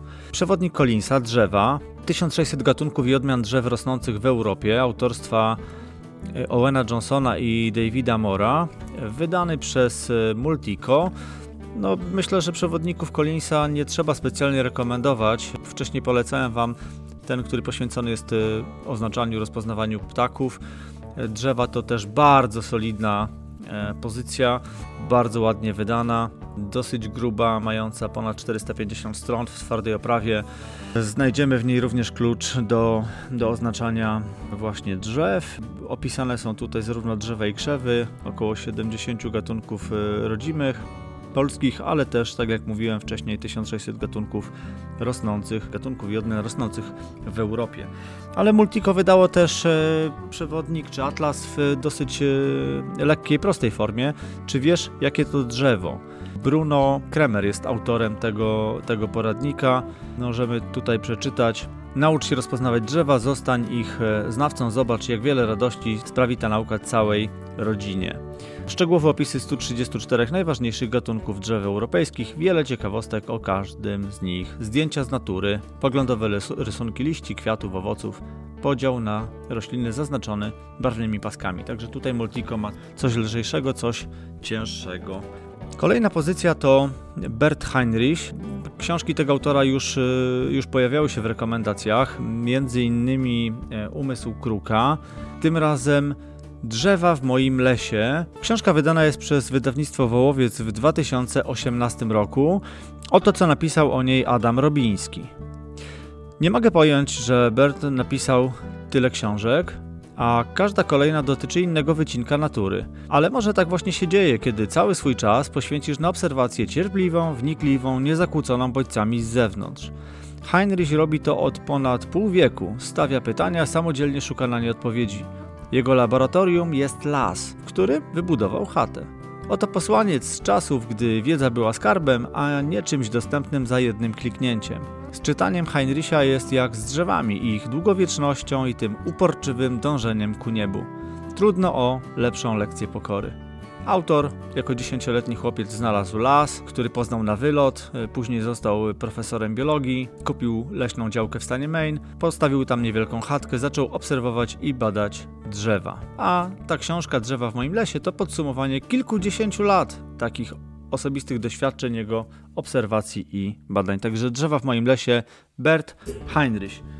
I ostatnia pozycja, którą chcę dzisiaj polecić, wspomniana w y, rozmowie z Jarkiem, książka Sekretne życie drzew, wydana przez wydawnictwo Znak. Autorem jest Peter Woleben. Książkę wydano w 2016 roku. Oto sekretny świat, jakiego nie znamy. O książce możemy przeczytać w lesie dzieją się zdumiewające rzeczy. Są tam drzewa, które porozumiewają się ze sobą, drzewa, które z oddaniem troszczą się o swe potomstwo, pielęgnują starych i chorych sąsiadów, drzewa, które doświadczają wrażeń, mają uczucia i pamięć. Niewiarygodne, ale prawdziwe. Leśniczy Peter Woeben snuje fantastyczną, fascynującą historię o zdumiewających zdolnościach drzew. Przytacza wyniki najnowszych badań naukowych, dzieli się swoimi obserwacjami z codziennej pracy w lesie otwiera przed nami sekretny świat, jakiego nie znamy.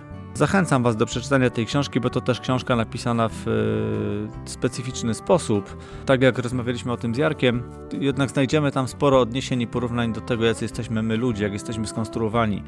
Także troszkę tych naszych ludzkich cech e, tym drzewom jest tutaj przypisanym, ale pozwala nam to naprawdę z dużą łatwością przyswoić niesamowitą i arcyciekawą wiedzę. Także dzisiaj do, do biblioteki przyrodnika dopisujemy taką właśnie pozycję. I tu a propos ciekawostka do mojej e, strony internetowej e, michalstanecki.com dodałem taką podstronę, którą nazwałem właśnie Biblioteczka Przyrodnika i w tej, e, na tej podstronie, w tej zakładce wylistowałem wszystkie książki, które polecam Wam w podcaście. Także znalazło się tam sporo pozycji z dotychczasowych 29 odcinków podcastu. Pewnie do tej zakładki dodam jeszcze inne periodyki, inne e, historie godne polecenia, które też przewijały się tutaj w trakcie rozmów z gośćmi, czy które ja sam Wam e, rekomendowałem. Liczę na to, że, że moglibyście do tej listy też dorzucić coś od siebie, zaproponować pozycje, które też warto przedstawić, przybliżyć, zarekomendować, zareklamować. No i na koniec krok w tył, czyli odpowiedzialna fotografia, szacunek dla natury. Poprzednio było o wilkach, dzisiaj też będzie o wilkach, bo o wilkach jest nadal głośno. No i muszę Wam powiedzieć, że tutaj moją uwagę na Facebooku przyciągnął dosłownie wczoraj wpis mojego kolegi, który, no może nie w bezpośredni sposób, ale wyraził swoje oburzenie ja później zobaczyłem e, wpis pewnego dziennikarza, przyrodnika, e, bardzo rozpoznawalnej osoby, można powiedzieć takiego dyżurnego przyrodnika kraju. I był to wpis e, bardzo, bardzo ironiczny i wydaje mi się, że rozumiem tutaj jakby wzburzenie kolegi, który na ten wpis zwrócił uwagę, choć jak powiedziałem nie bezpośrednio. Otóż wydaje mi się, że w tej chwili temat wilków, pewnego rodzaju z jednej strony nagonka, ale to, to nawet w tym sensie, że, że media podejmują ten temat codziennie. Nie mówię tutaj, że nagonka w sensie, że, że te wilki trzeba już dzisiaj yy, odstrzelić i, i, i zatrzymać ich powrót do natury, tylko to, że ten temat jest bardzo nośny i pojawia się w bardzo wielu mediach, a nie zawsze cechuje te, te artykuły odpowiednia rzetelność, przygotowanie dziennikarzy, którzy o tym piszą. Są to raczej łatwe, nośne tytuły, w które, w które dobrze się klika po prostu. Chodzi o to, że jest, jest w kraju cała masa ludzi, którzy nie mają odpowiedniej wiedzy przyrodniczej i mają prawo mm, nie wiedzieć e, o wilkach tego, co może wiedzą przyrodnicy, ludzie, którzy się gdzieś z tym tematem stykają.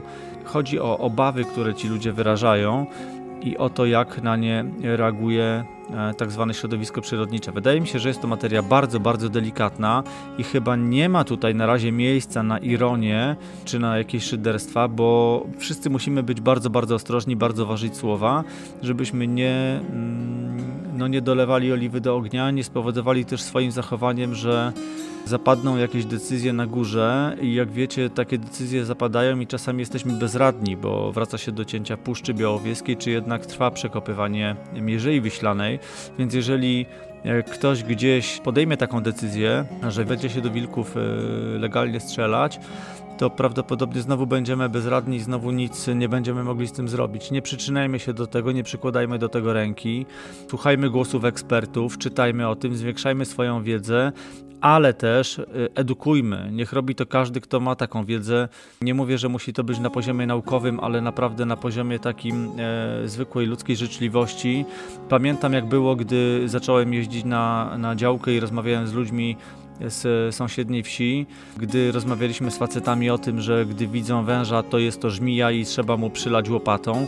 E, pewnie już Wam kiedyś o tym mówiłem, ale wystarczyło pogadać raz i drugi, przynieść książkę, pokazać jak wygląda zaskroniec, jak wygląda żmija, czy na zdjęciu e, powiedzieć o tym, który się, którego jest dużo, którego nie ma, który jest bardzo rzadki, o tym, że, że ta żmija też, e, no nie, nie demonizujmy jej tak bardzo. Zaczęło się, zaczęły się te rozmowy układać trochę inaczej, a dzisiaj po, z perspektywy kilku lat widzę, że jest tak, że moi koledzy tutaj ze wsi informują mnie, słuchaj, w lesie widzieliśmy Znaleźliśmy e, niesamowite miejsce, w którym było sporo zaskrońców. Może chcesz podejść, zobaczyć, nie wiem, zrobić zdjęcie. Odbywa się to na tej zasadzie, więc taka e, naprawdę bardzo delikatna, pozytywna, nienachalna edukacja e, potrafi czasami bardzo dużo zmienić w podejściu świadomości ludzi. I wydaje mi się, że, że, że taką pracę my wszyscy, którzy nazywamy się przyrodnikami, powinniśmy dzisiaj wykonywać a dziennikarz, który jest osobą bardzo rozpoznawalną i, i, i, to, co mówi czy pisze, jest wręcz opiniotwórcze, dociera do ludzi, no powinien mimo wszystko trzymać, trzymać e, pewien poziom. I, I, wydaje mi się, że w tej materii musimy być bardzo ostrożni, powtarzam to z całym przekonaniem. Nie powinniśmy pozwalać sobie tutaj ani na szyderstwa, ani na na jakieś e, mocno posunięte, ironiczne e, wpisy czy komentarze. Nie tędy droga. Wydaje mi się, że tędy nigdzie nie, nie, nie dojdziemy. Ostrożność, ostrożność, jeszcze raz edukacja. Jeszcze jeden temat, który chcę szybko zasygnalizować, e, to też jeden ze świeżych wpisów dotyczących obserwacji ptaków. Otóż pewien birdwatcher napisał o tym, że na rozlewiskach w Złakowie Kościelnym, czyli w Dolinie Słudwi, w centralnej Polsce. Pokazali się, oczywiście na rozlewiskach, które są teraz dosyć mocno oblegane przez tysiące gęsi, no są tam też czajki i mnóstwo innych ptaków, ale przede wszystkim tysiące gęsi. Na rozlewiskach pojawili się para, paralotniarze, którzy zapytani o to, czy zdają sobie sprawę z tego, że płoszą ptaki, powiedzieli, że obserwatorzy, inni obserwatorzy ptaków powiedzieli, że ptaków nie ma. Oczywiście cytuję to, co mogłem przeczytać. Nie byłem świadkiem tej sytuacji. Widziałem zdjęcia, które są dosyć jednoznaczne, faktycznie tych paralotniarzy nad y, rozlewiskami.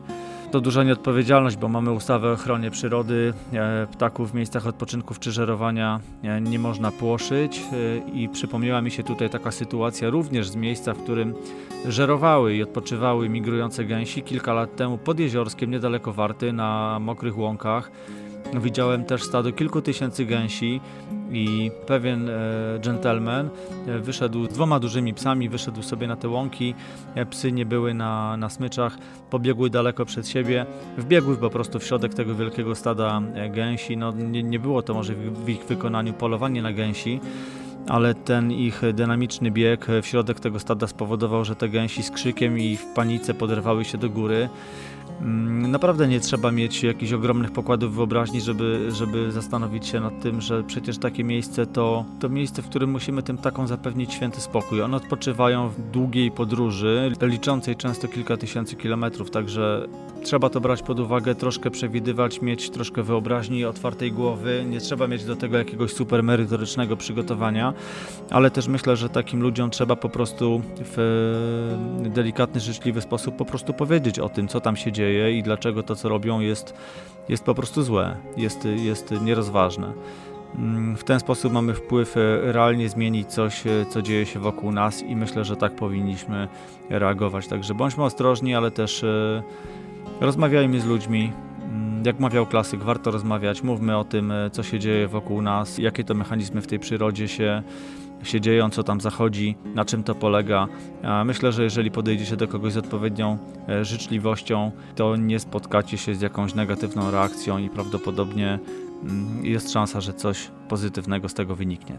Także działajmy, reagujmy, no brońmy trochę tej przyrody, brońmy tych ptaków w taki właśnie chociażby pośredni sposób. Na dzisiaj to tyle. To dość, e, dość długi odcinek. Dziękuję, że, że byliście ze mną, byliście z nami, wysłuchaliście.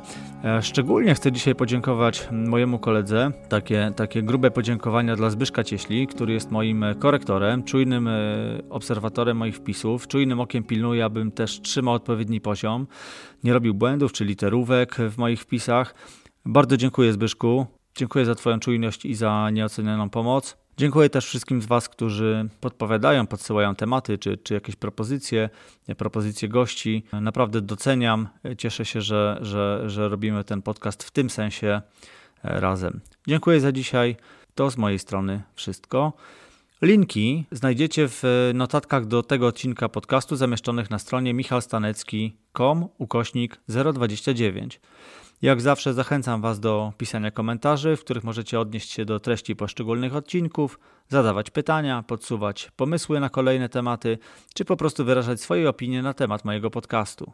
Jeśli podoba Wam się ten podcast, możecie go polubić w źródłach, z których go słuchacie. Możecie go subskrybować albo udostępniać swoim znajomym. To dla mnie bardzo, bardzo ważne i jestem Wam szczególnie, szczególnie wdzięczny za to, że udostępniacie i dziękuję Wam za wszystkie łapki w górę. Takie działania to nagroda za pracę, którą wykonuję i możliwość pozyskiwania nowych słuchaczy. Dla podcastu to po prostu dodatkowa promocja. Dziękuję Wam za słuchanie kolejnych odcinków. Dziękuję za dziś. Naturalnie usłyszymy się już wkrótce. Cześć!